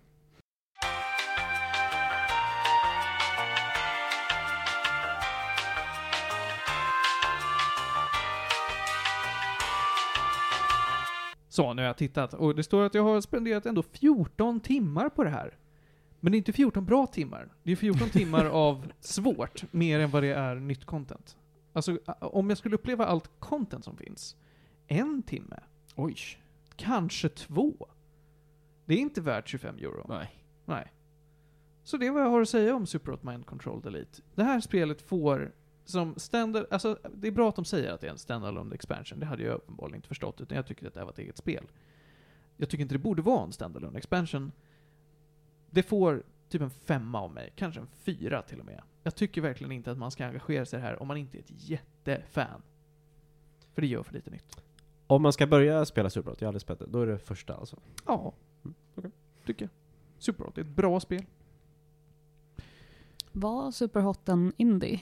Ja, det är, ut. jag tror att det är jättefå som jobbar på det där. Hur mycket kostar basspelet? Oh, let me check. Jag tror det kostar typ... 125 känns lite mycket för ett DLC för en indie. Eller hur? Superhot kostar 7 euro just nu. Men det kostar vanligtvis eh, 23. 23. Så, Så är dyrare. DLC är dyrare. Ja. Men det är väl också, det är ju fristående, det, det är ju i princip ett eget spel. Liksom. Inte ett bra tecken alltså. Jag tycker nog 23 är också lite dyrt. 7 euro för Superhot tycker jag absolut att man ska slå till på. Det är jättetrevligt. Eh, också mycket kortare än 14 timmar ska jag säga. Gud, det är, vad kan det ta? 5, 6? Vad säger How long to beat kan man ju säga. Vad säger folk om Superhot där? Det här är problemet, ska jag inte bryta mellan nyårslöften. Nu stänger vi ner Steam. du ser, du blir redan sugen. nu stänger vi ner Steam. Ja. Temptation. Eh, är det någon som vill gissa? Nej, det vill ni inte för ni har inte spelat det här själva. Nej, det är jättetråkigt. Två och en halv timme. Två och en halv timme? Ja, Super 8 1 är två och en halv timme. Då var fem väldigt generöst. Oj, det var verkligen... Ja, det är jättekort. Så där tycker jag också 23 euro är för dyrt för två och en halv timme. 7 euro för ett bra två och en halv timme kan jag ändå tänka mig. Mm. Men det kan man Det får stå för mig, men jag, jag tycker ändå att Super 8 1 är så bra att det är, det är värt det. Är inte Super 8 ett sånt spel man spelar om lite grann också för att det klarar banorna och sådär? Ja, känns som Då det. hade det varit det här spelläget som finns i Mind Ja, Control är Delete man vill spela om. Ja. För annars så är det ju bara liksom, det, det kommer vara samma upplevelse igen. Du kan göra det snabbare, du Mm. kan göra det bättre. Det är ett väldigt speedrun-vänligt spel. Ja men det är det jag har hört. Men för är casual-spelare så blir det, det blir inget nytt. Men jag har hört att om man jämfört det här spelet, Superhot, med det här nya som kommit ut, Neon White, som är också det här Just det, just speedrunning-spelet. Så de har sagt att det påminner lite grann om det, att det är Mm. på något sätt liksom. Mm. FPS speedrunning på något sätt. Mm. Jag är nyfiken på Neon Jag har hört mycket gott om det, ja. Ja. nu får jag testa. Jag har för mig att det har vunnit något Game of the Year-pris. Det var GMTK's Most Innovative det här Ja. året. Det är hans, hans Game of the Year Award. Kul. Ja, Jag grej. tänker på lite på Ultra Kill också. Just det. Mm. Ja, White, när jag tittar på det så ser det ut som att det är eh, speedrun-versioner av, av eh, Unreal Tournament. Mm. Mm, kul. Eh, ja, ja. Vi eh, ska gå vidare. Vi ska inte spendera mer tid med det här, utan jag säger håll er borta från Super Auto Mind Control Delete. Vi slutar upp med en, vi säger att det faktiskt är en fyra. Mm. Så hårda är vi. Vi ska gå tillbaka till bion, till den extremt stora skärmen, och prata om Den största den skärmen. största skärmen, den, det största äventyret. Wild Kids, eller som vi väljer att kalla den här podden, Avatar 2 Way of Water. 13 år senare. 13 år. Den kom ut i slut. Jag tror det knappt det. Ja. Och det kommer ju komma tre filmer till. Ja, minst tror jag de sagt. Mm, minst. Det har ju gått bra för den här filmen också. Det är Mm. redan den tolfte mest high-grossing genom världshistorien eller någonting. Mm. Tror jag. Herregud. Mm. Hela världshistorien. Eh, Jag kan kolla upp highest grossing, men jag mig att det är, den är snart i topp 10. Man kan ju bara räkna från 90-talet om man vill. Alltså det ska de fan ha. Det är ju typ helt CGI nästan. Mm. Och det är typ den enda filmen som gör det va? Det är svårt att mäta Ja, liksom. annars, annars är det väl helt animerade filmer. Ja, men då blir det liksom animerat. Mm. Den är på plats 13 just nu, med 1,4 miljarder ish. Det är bra- rätt bra för typ en månad, inte så månad, typ två veckor. Mm. Ja, du har ju hypat den här väldigt, Ja, väldigt länge. alltså, Du fram- tycker ju om Avatar. Jag tycker ju om, jag såg faktiskt om Avatar 1 på bio när den kom igen i Mm. september. För jag såg Avatar när jag var 14, tror jag det var. Och det var typ det coolaste jag sett i mitt liv liksom. Jag kommer ihåg, jag kom hem, jag bara 'Pappa, pappa, den här filmen, ah!' Så gick jag hem, gick in på youtube på datorn och kollade på trailern flera gånger. och Bara, ah, kollade på trailern och började så här, tänka på filmen och så såg så såg jag, jag tror jag såg den tre gånger på bio kanske, någonting. Så den var väldigt viktig för mig.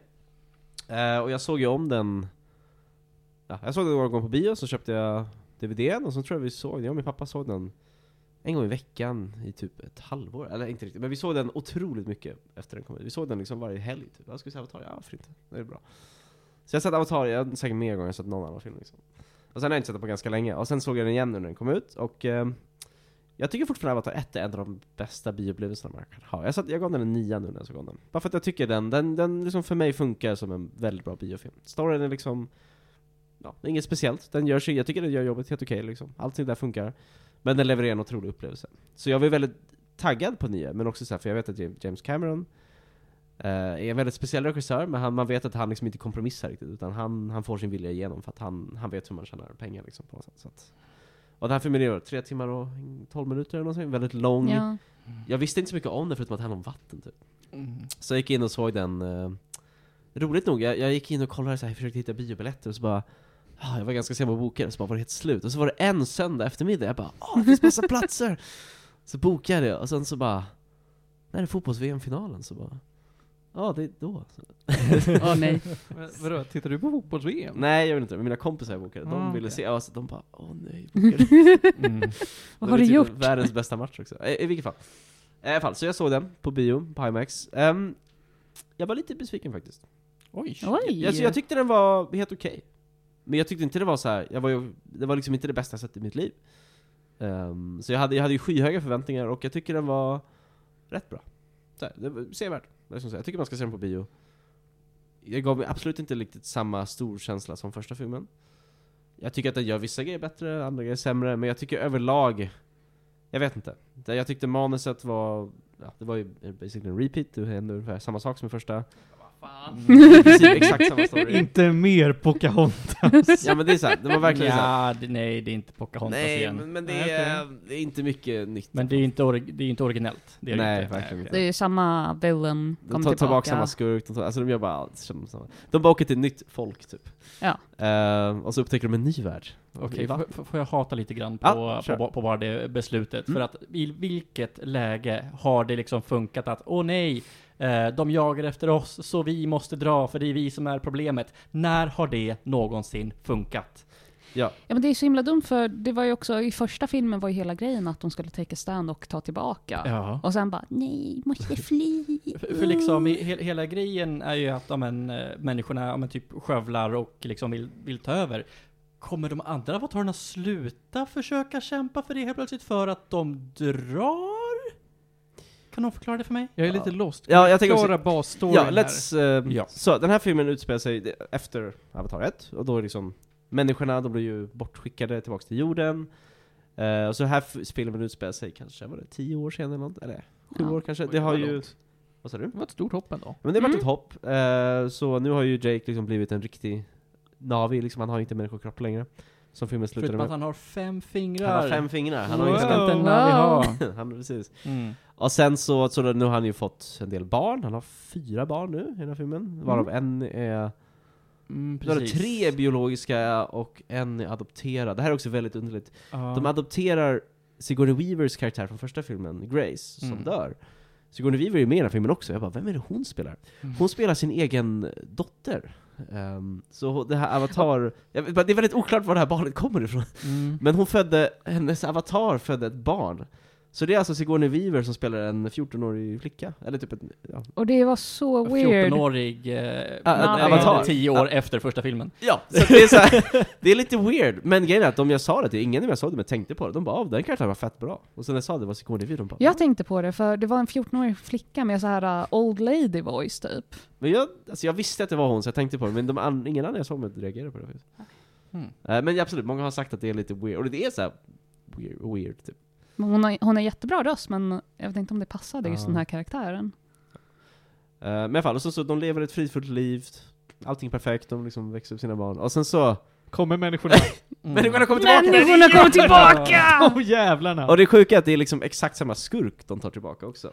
Quartridge, som har, innan första filmens slut, så klonade han sig själv. Mm. Ja, I en avatar. klonar hans Nej, de skickat med hans minnen. minnen, precis. Så de de kunde- sparar ner Ja, det för att på, de på en USB-sticka. Ja, just det, hans minnen, och så satte de, inpräntade de det på en ny avatarkropp. Mm. Så att han är med igen, fast nu är han blå. Och Um, nu är han arg, han ska avenge att han dog. Ja.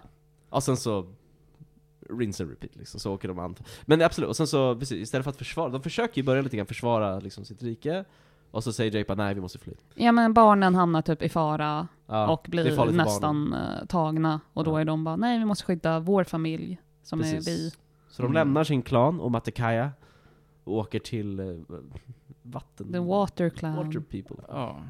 Okej, och kan det vara så möjligt att de lär sig om deras kultur och märker wow, vi är väldigt olika, men vi har mer gemensamt än vad vi tror och sen tillsammans med djur och natur så tar de ett stand mot människorna. Ja, kanske. Ish. Och det kan ju vara som att de hittar, de här människorna har något material de vill ha, som finns just i vattnet. No way. Mm. Som är problem. Mm. Det kan Men- vara så. Men grejen är att när de kommer dit så blir filmen basically Subnautica the Movie. Okej. Vilket är, eh, eller, ja, det är typ egentligen highlighten för mig.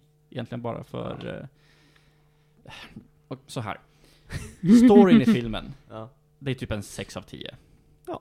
Men hur snygg och världsbyggande filmen är, gör att det liksom går upp till en 8 av 10. Det är otro, alltså vattnet är helt otroligt, alla färgerna, Mm. alla olika, de hittar, alltså jag håller med, worldbuildingen är Mm. superintressant, alla de här arterna, Hela, hela Avatar-världen, de har ju så här, de kan ju koppla in sig själva i allting liksom, så att de testar ju så här, massa olika djur, de, Ja, De testar sätta in... Så du får det att låta det som att de, de stoppar in saker i typ ett eluttag. Bara, Kopplar in här, ja kopplar men in det är väl där. lite så. Ja men det är såhär, du vet den där fisken, bara koppla in här så kan den andas under vatten, åh oh, nice, klick! Och så bara kan de andas under vatten. Du är som en 13-årig pojke. Koppla in sig i vad som helst. American Pie, the way of raspberry. Ja! Mm, alltså, Ja, men, förlåt. Ja, jag håller verkligen med dig. Det är liksom the world building som är like the best part of the move. Mm. Det är det man vill se den för. Man får se liksom... Men pratar du om worldbuilding som nu det grafiska, eller pratar du om att det finns en cool story över, alltså? Alltså när de får explore den här typ nya världen, Mm. eller sidan av världen som Mm. de inte sett förut. Vi får se hur det folket håller på med sina grejer och deras eh, eh, varelser som de är nära till och hur kulturen är där. Det Och det är coolt en gång till? För Ja, att det är en annan definitivt. Okej, ja. Men det är, så, det är så väl, alltså det är verkligen jätteväl Det är gjort. jättevälgjort. The creatures har jättebra design. Hur de interact med varandra, hur de ska Ja. lära sig att styra och Mm. allt det där. Precis. För, för är jag hade raka motsatta upplevelsen mot Felix. Mm. Eh, första filmen, jag ja, men, hatar den bara för att den var så hypad och så var det liksom en 6 av 10. Liksom. Mm. Eh, men sen så såg jag också om första filmen, Mm. eh, kommit, ja, någon gång eh, sent förra året liksom så här. Mm. Och då, eh, ja, men då, då kunde jag mer se den med andra ögon. Jag, jag kanske med glasögon om jag ser den igen, vi får se. Men eh, när jag såg den igen så, eh, men då fokuserade jag mig mer på karaktärerna, mer på worldbuildingen och Mm. kände att aha, ja men det är det här som är grejen med, Storyn med är liksom inte fokuset. Den är väldigt sekundär, Ja, Mm. kom, jag, kom jag fram till. Och det var med den inställningen jag gick in i tvåan. Ja. Och det är därför jag är så nöjd med den och tycker att den är bättre än ettan. Spännande. Definitivt. Ja. Eh, För att jag tycker att worldbuildingen är så mycket starkare eh, i den här, eller stark och starkare, men den, liksom, den bygger ju vidare. Och det känns som att du blir mer och mer en del av den här världen. Ja. Eh, kontra att, ah, nu ska vi upptäcka samma saker igen. Eh, för det, det är verkligen det som är, jag tycker inte att det här är en film, det här är en upplevelse. Och det är en Mm. upplevelse av en ny, helt ny värld. Absolut, och därför tycker jag man ska se på bio också, för att verkligen få Mm. en s- helhetskänsla för det. För att, Ja. Jag håller med, jag tycker också att Avatar 1 är inte så himla bra att bara se hemma. Alltså så här, det, är absolut, det är ju inte världens bästa film, men jag tycker upplevelsen är för mig en nia liksom. Mm. En tia ibland. Så det är så här, och jag kände på många sätt samma sak här.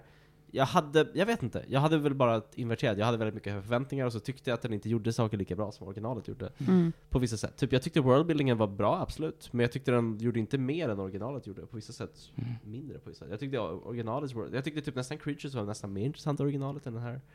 På vissa sätt, jag vet inte. Mm. Men det, är så här, jag, det var, överlag tycker jag alltid var nice. Ehm, Jag tyckte att första hade, nu var det väldigt länge sedan jag såg det, men där var det mycket mer fokus också på så här, människorna, Mm. för att man följer Jake när han är människa as well. ja, Och då blev det väldigt mycket militär just det. i det. Ja. Och det var liksom inte det som var kul att se på. Nej. Det här är filmen bara, hej vi går och badar, så, bara, så Mm. kollar man på alla djuren typ. Det- Exakt. Om, om, om det är någonting som den här, som första filmen gör bättre än den här filmen så är det karaktärsutvecklingen. Ja, Mm. det händer inte mycket. Nej. Det händer ingenting. Basically. Ja. Det är liksom varför gör ni så här? Ni- Ni får inte göra så här. Okej pappa, nu åker vi göra samma sak igen. Och ingen konsekvens. Ja. Nej, allmänt, alltså såhär, jag tyckte om barnen, många av dem. Jag tyckte de var kul karaktärer. För det är så här, också, fokuset är inte så mycket på Jake i den här filmen. Han är ju med, Mm. men han är mer såhär fadersfiguren mer. Det är ganska mycket fokus på barnen, och de gör ganska mycket olika saker i den här filmen. Mm. Jag tyckte barnen var kul karaktärer. Mm. Jag gillar att de gjorde det decision, att fokusera på barnen. För liksom Mm. Jake har fått säga sin Han hade sin story. film, liksom. Det är Mm. liksom, han har samma story igen nu. Ja, och det, precis, Mm. och det tyckte jag var fine. Uh, det är, det är klart, han är ju en viktig karaktär, men det var en mycket, nu får vi följa barnen, de ska göra det här istället. Så Mm. Drake inte med och så. Det som, en grej jag tänkte lite på den här filmen, eh, och jag tror bara att jag måste nog se om den för att uppskatta den mer, för att jag dels tyckte jag inte så mycket om, eller jag, så här, jag, jag störde mig på att den var ju skriven på ett sånt sätt som att det var en franchisefilm. För att första filmen skulle jag ändå säga är ganska, så här, de knyter upp allting ganska bra, de, Mm. så här, det är en film där de sätter upp saker, och så löser de det, och så det är inte så himla mycket trådar kvar.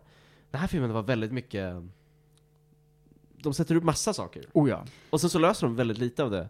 Och det Mm. fick mig i slutet, jag bara, är det slut? Alltså, Mm. så här, det var tre timmar och en kvart, det hade kunnat vara två timmar till, alltså så här, Mm. jag, absolut inte för lång. Jag tyckte den flöt på Mm. otroligt bra. Men jag var lite besviken i slutet, jag bara var det där en sl-" så här, Det känns som att det var så mycket mer att göra. Ja, man fick inte Jag så vill, jag här... vill ha mer, och det var så här, men för att det känns som att nu har de ju, de har ju en film varannat år nu, så att de har väl ett schema för att Mm. okej, den här plotpointen betalas av. Mm. För nästa film, de kommer släppa en vartannat år nu tror jag. Mm. Oj, oj, oj. Mm, Okej. jag, tror, du- jag tror Mm. du säger fel, jag tror du menar vart trettonde år.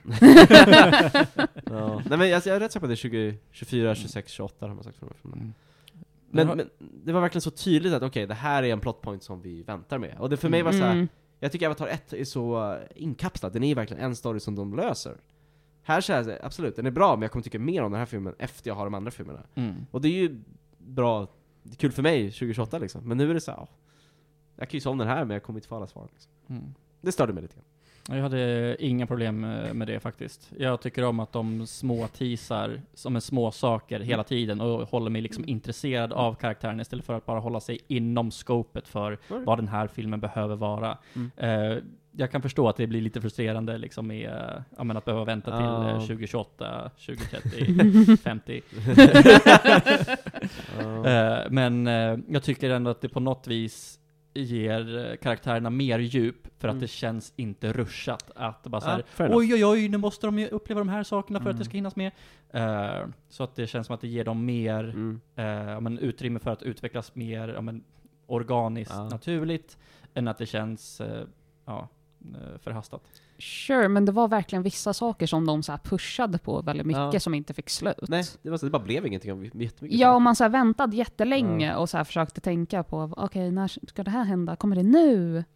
Och Ja, sen bara, nej. Så, de, gick, de introducerade någon här plats, de bara åh, så bara Let's never go there again. Så, Ja, men hon, den adopterade dottern också, hon verkar vara mycket mer eh, in connection till Ja. eh, planeten. Och det får man se redan när man ser henne för första gången.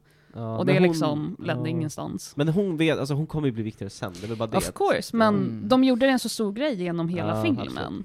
Mm. Jag, jag, jag tänker att drömmen hade de kanske kunnat vänta med lite granna. Och ti- tisa lite. Drömmen. Ja men hon drömmer ju om sin, om eh, Ja, Sin ja. mamma Ja, och Just någonting. Ja. För, Men- för, för, för den, den kändes som att de- de byggde upp för eh, Ja. liksom, att det skulle komma mer i filmen och sen så, ja. eh, ja, gjorde inte det. Ja. Minispoiler.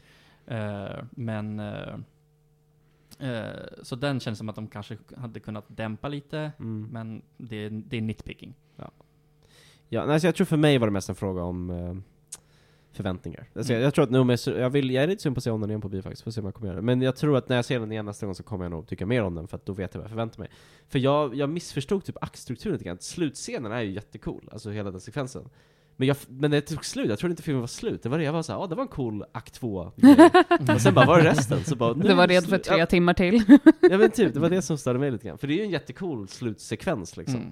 Men jag vill ha mer, tyckte jag. Um, Eh, ja, den var cool, men jag tyckte också att det var li lite hoppsan svejsan med vissa saker som Ja. de behövde slänga in för att de, men alla kunde inte vara på samma... Ja, det var lite såhär Mm. mm. forsatt. Ja. Det här är en konflikt på något sätt. Men Ja. jag vet inte, det var... Samt att den har, inte problem med pacing, men ibland går det lite långsamt så att man känner av. Man känner inte av att den är tre timmar, men ibland känner man av att det Mm. går, ja men, lite långsamt skulle jag säga. Det är Den, mycket i den här har ju väldigt Mm. mycket att det är typ uppdelat. Bara Mm. nu är det this act, Ja. sen kommer nästa act. Det är ganska tydliga... Det är väldigt Mm. tydligt.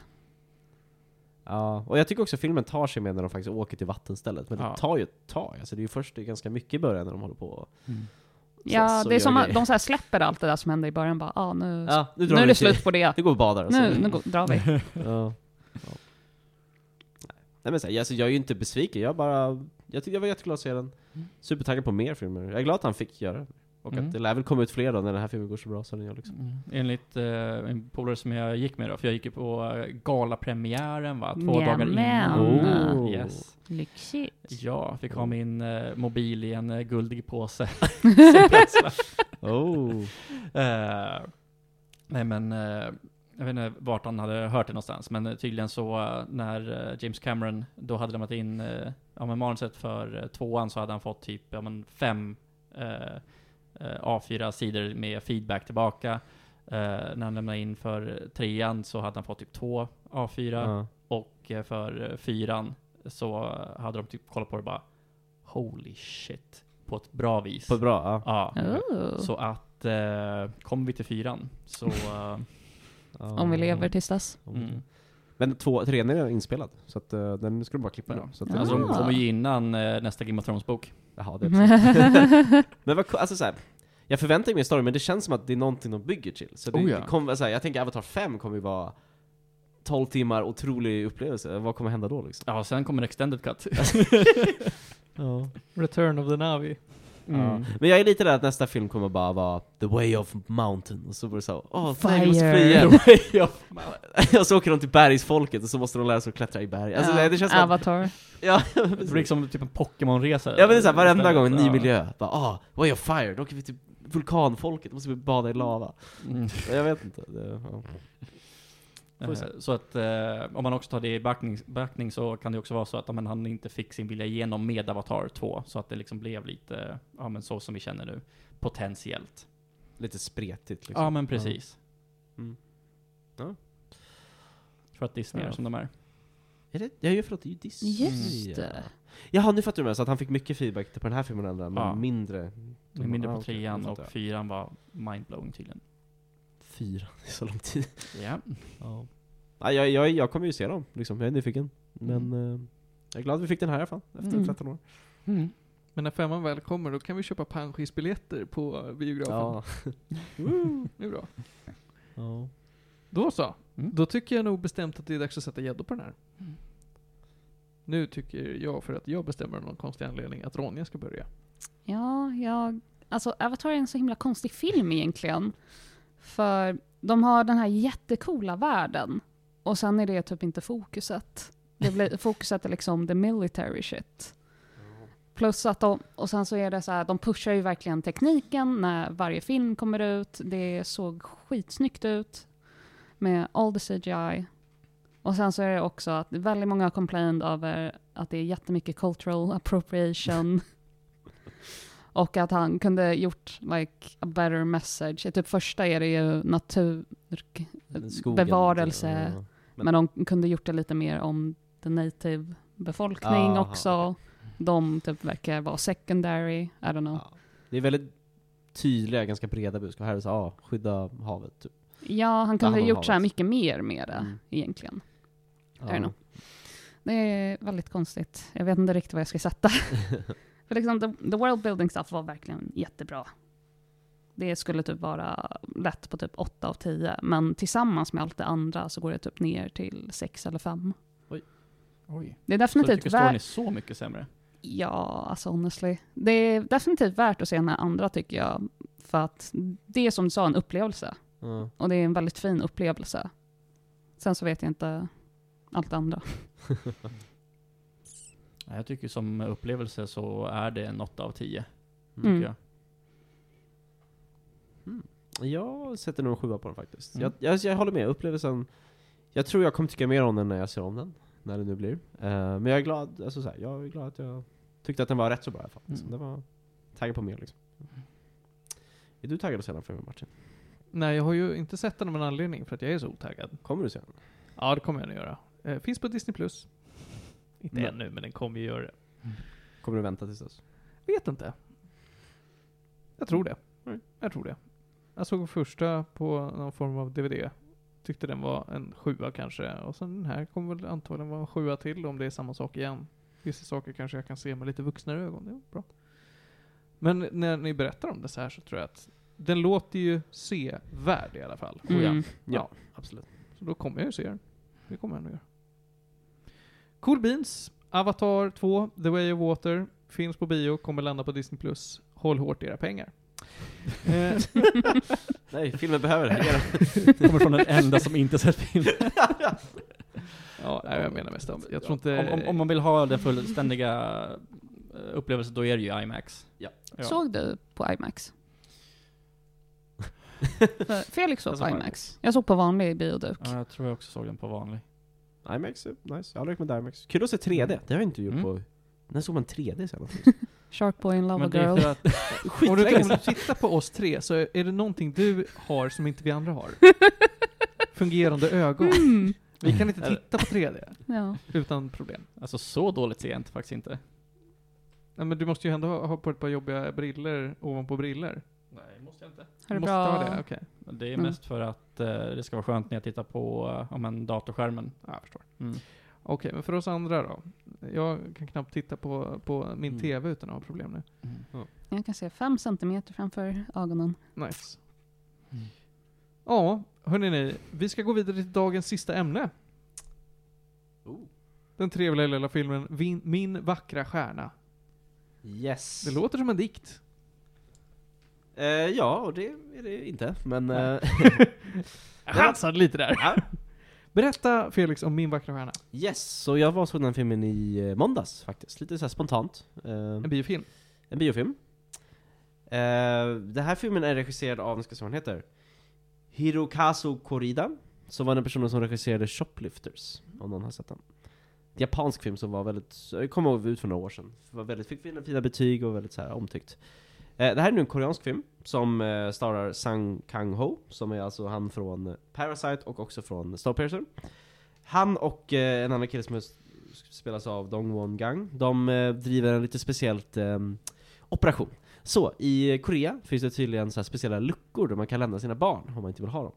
Det är en slags, alltså mammor som inte kan ta hand om sina barn, de lägger sina liksom bebisar i ett litet skåp. Och så kommer folk och hämtar dem i skåpet och Är det på riktigt? det är på riktigt, alltså det är en grej Va? i Ja, Korea. det här är en grej. Visste inte du det? det är Nej. här barnlådor typ, eller något sånt, Ja. som dumpar sina barn i. Och sen så kommer det folk och, alltså så här, socialtjänsten liksom hämtar dem och lägger ut dem på barnhem och sånt där. Men, så får vi följa de här två personerna som driver en liten egen grej. De hämtar barnen innan eh, socialtjänsten hinner hämta dem. Hmm. För att de gör en liten så här Robin Hood-grej, att de ska sälja barnen till... Eh, Det här låter inte som Robin Hood. de ska, det låter som det opposite. de ska, Tar barn från de rika till de Nej, nej, nej. Är tvärtom. Då tar vi fattiga barn, Ja. säljer till, Till de- prins John Ah. och ger pengarna till de fattiga. Ja, precis. Nej men så här, Mm. de, eh, de, eh, för de vet att de flesta barnen som går i det här systemet hamnar på barnhem, Mm. de blir oftast inte adopterade. Och det är så här, det här systemet funkar inte så bra, och de tycker synd om det. De är själva uppväxta i det här systemet. Så de tycker att de vill göra något gott, utan de hämtar barnen, kontaktar föräldrar som vill köpa, alltså som vill liksom köpa barnen för, de säljer dem för 10 miljoner eh, won, det var lite lite. Eh, men de säljer liksom svart, och eh, det här är för föräldrar som dels inte kan få barn, men inte heller som kan få typ pappersarbetet för att faktiskt få adoptera lagligt. Så att det här är liksom en slags sätt att de får barnen, barnen får en bra uppväxt helt enkelt. Och de känner att de gör någonting gott. Mm. Ehm, och det är en väldigt speciell film, för du får också följa mamman som, um, som levererar sitt barn. De hämtar barnet, men hon bara 'Nej jag vill ändå ha det' Men de bara 'Men häng med, vi ska sälja den' ah, okej, så... det, är, det är ungefär det filmen handlar om, för hon vet inte om hon vill ha det eller inte. Filmen är mycket att hon följer med och åker till olika föräldrar och ska försöka sälja Mm. barnet. Och hon har inte bestämt om hon vill ha det eller inte, egentligen vill hon inte ha det. För liksom så här, det hon har en backstory, att det, gick inte, det var inte så bra hennes tidigare förhållanden och sådär. Men hon vill ändå liksom följa med på den här, äh, träffa de här personerna och se lite grann hur den här världen funkar. Och den visar upp en väldigt fin historia på något sätt, och så här, äh, med typ så här föräldraskap och så här. De har mycket, de har ju de här två, två i kärngruppen, så får vi följa mamman och hennes bebis, men så plockar de upp lite andra så här, folk som hänger med i deras van de åker runt med. De har ju, så här, de har ju, de har ju extra knäcker som en tvätterifirma, så de åker runt i sin tvätteribil, fast med en massa barn i bilen istället. Så åker de till olika ställen och pratar med olika föräldrar och sådär liksom. Och det är en så underligt koncept, men den är ganska det, alltså det låter ju så här lite läskigt nästan, men det är så himla wholesome. Det är en jättemysig film. Så att de, de åker till barnhemmen, alla barn bara ah, kul att träffas och snacka med dem. Och föräldrarna blir jätteglada. Och så får vi samtidigt också följa poliserna. Eh, som följer de här, för de är ju på spåren. Och det är också så här en grej att då poliserna är också så här, det blir liksom en lite moralisk fråga för dem. Ska de... De förstår ju att de, gör, de tycker att de gör något bra, men samtidigt också human trafficking. Så det är lite så här, det blir väldigt intressant eh, koncept där. För de är ju genuint goda personer, de som gör det. De gör absolut inget gott. De vill, de vill liksom Inget, Inget ont. ont. Inget ont. De vill ju bara att barnen ska få en bra framtid, och de vill att föräldrarna som inte kan få barn ska få barn helt enkelt. Och så tjänar de själv pengar på det. Ehm, så att alla blir glada liksom. Ehm, och jag vet inte, det är inte så mycket thriller liksom. Det är, det är lite så här, åh, kommer de bli gripna eller inte? Men det är ganska mycket bara en väldigt fin film, för de skapar ett band i den här, när de åker runt i sin bil helt enkelt. För de har ju typ en poj- Musikaliskt band eller? nej, nej, nej, alltså de skapar ett väldigt fint band mellan varandra. Mystery van. Dina gester var såhär, ja men de vill spela lite ett band, men det är så här, de har liksom en pojke som gillar att spela fotboll som hänger med dem lite grann också, och han är så här också med, och han liksom, blir som en adoptiv stu- storbror. Och så åker de runt, runt i Korea och träffar med olika personer och går på olika event. Och det är, så här, det är liksom, det är en väldigt så slice of life-film på något sätt. Det är absolut inte så det är inte så här supergripande story, utan det är bara väldigt fint att se de här karaktärerna interagera fram och tillbaka. Mm. Och jag tycker det var jättebra. Alltså så här, jag tyckte nog mer om den här filmen än Shoplifters, för att den här är så den är så rolig också. Så. Det, det blir väldigt underlig situation ibland när de ska liksom så här, äh, Alltså träffa de här personerna som ska köpa de här barnen. För ibland de bara kollar på barnet och bara Ser inte ut som bilderna, har ni ändrat lite? Kan- Och så håller de på och prutar, nej inte så, det är lite dyrt. Han har inga ögonbryn, kolla där. Så, alltså, så här, Eh, det är väldigt roligt på det sättet. Och så, så ibland så här, poliserna har också så här, sett de försöker, ja, de försöker liksom infiltrera det här och så. Det, blir väldigt, det är en väldigt kul film också. Mycket roligt som händer. Men också väldigt så här, den har ett väldigt fint slut, bra meddelande. Jag vet inte, överlag jättebra. Alltså så här, Mm. faktiskt, jag, det var så här eh, film jag hörde mycket gott om och jag kan bara, ja, jag kan bara säga som sagt, det var en väldigt bra film. Cool. Den heter Broker på engelska. Vet inte varför. Och min vackra, sven- min vackra stjärna på svenska. Eh, ja, och jag, jag skulle vilja ge den en åtta tror jag. Det är Mm. bra. Ja, stark film. Kom ut typ en vecka sedan tror jag, någonting, så det är väldigt ny. Mm. Ehm, aktuell film. Och ja, absolut. En av de bättre filmerna jag sett det här året tror jag. Så, jag rekommenderar den starkt. Cool. Härligt. Ja, det är inte så svårt när det är 2023. Huha. Eh, hörni ni, det var dagens sista ämne. Förutom. Nämen. Förutom tre snabba. Ja. Det stämmer. I den här veckan så har vi ett spel, vi har en serie och vi har ett album. Eh, nu slår det mig att det här albumet skulle Joe Panos egentligen recensera, men nu är ju Snooze, you lose. Mm. Får se om Panos- Panos. Se om han kommer tillbaka och pratar mer om det här sen. Men for now så vill jag säga att jag rekommenderar A Hat in Time. Eh, Det är vad Yooka-Laylee borde ha varit, men utvecklat av en studio som är lite för liten. Eh, Det här spelet är eh, ett bra collectathon, men ser jättefult ut. Låt inte det avskräcka er, det är ganska bra. Sen vill jag rekommendera Netflix-aktuella serien Wednesday, som då är en, en The Addams Family historia. Men fokuserar på då dottern Wednesday. Jag behöver se den alltså. Ja, Jag Adam tyckte inte den var så bra. Den är så bra. Jag har hört eh, att de flesta tycker om den. Den är överhypad skulle jag säga. Man. Men den är Definitivt. bra alltså. Jag Ja, tycker ändå det, det, är så här, det, det är mer än tuggummi för ögonen. Jag skulle ändå sitta och bara, men fan, det här var en trevlig serie. Mm. Nog för en tre snabba i alla fall. Kanske ingenting som är så här serie of the year. Men är inte det här deras eh, största serie just nu tror jag? Jag ska se den och Mm. återkomma. Jag har hört att den har gått väldigt bra. Eller hur? Mm. Mm. Till slut så ett album, och då är det, hör och häpna, ett album som är en uppföljare till ett annat album. Det hör man så Nämen. sällan om. Ja. Eh, Det är Alchemist 2 av Savant. Den trevliga, eh, eh, otroligt eh, talangfulla eh, elektroniska musikproducenten som gör någon form av blandning mellan drum and bass, lite hardstyle, lite dubstep. Eh, Det här är, eftersom att det är en uppföljare, så det är samma låtar i en helt ny take. Mm. Det är inte remixer, det är en reimagining av alla låtarna på albumet. Mm. Vissa låtar blir mycket bättre, vissa låtar blir mycket sämre. Det är lite grann som eh, Metallicas, eh, oh, vad är de heter? The Unforgiven. Mm, mm, 1, 2 och 3. Mm, lite så. Mm. Ja. Eh, jag rekommenderar framförallt låten The Horror 2. De heter ju också 2. Ah. så att, ja. eh, och det var det. Det var veckans tre snabba och snabba var de. Nice. Och nu ska vi snabbt ta och avsluta. Varför ska vi göra det? Jo, så att jag kan få ge er starkt godis, eller starkt, starka chips. Blå, blå godis, smurfgodis, avatargodis. Ja! Ronja är taggad. Hon vill ha smurfgodis och stå härliga till. Eh, tack så Ja. jättemycket för att ni har lyssnat hörni, och för att ni kom. Ni som sitter här. Tack för oss. Vill ni ta och komma i kontakt med oss så gör man det lättast på Facebook, Instagram eller på mail. Överallt så heter vi Medis Radio. Mailen är medisradio.gmail.com. Skriv till oss om tankar, åsikter, saker ni vill att vi pratar om, saker ni vill att vi slutar prata om. Vad ni tycker om Platinum Games. Och skicka in mer fanart Jag skickar in mer fanart, va? Apple Pie gjorde ju så fin eh, fanart av Felix. Nu, nu är det dags för Ronja att få lysa tycker jag. Ska jag göra fanart? nej, nej, tvärtom. Jag ska göra fanart av dig. Jaha. Mm. Ja, gärna. Tills nästa gång, hörni. Felix, tack. Tack så mycket. Ronja, tack. Tack så mycket. Johan, tack. Tack. Och Martin, tack. Puss och kram och nyfikenheten. Nyfikenheten.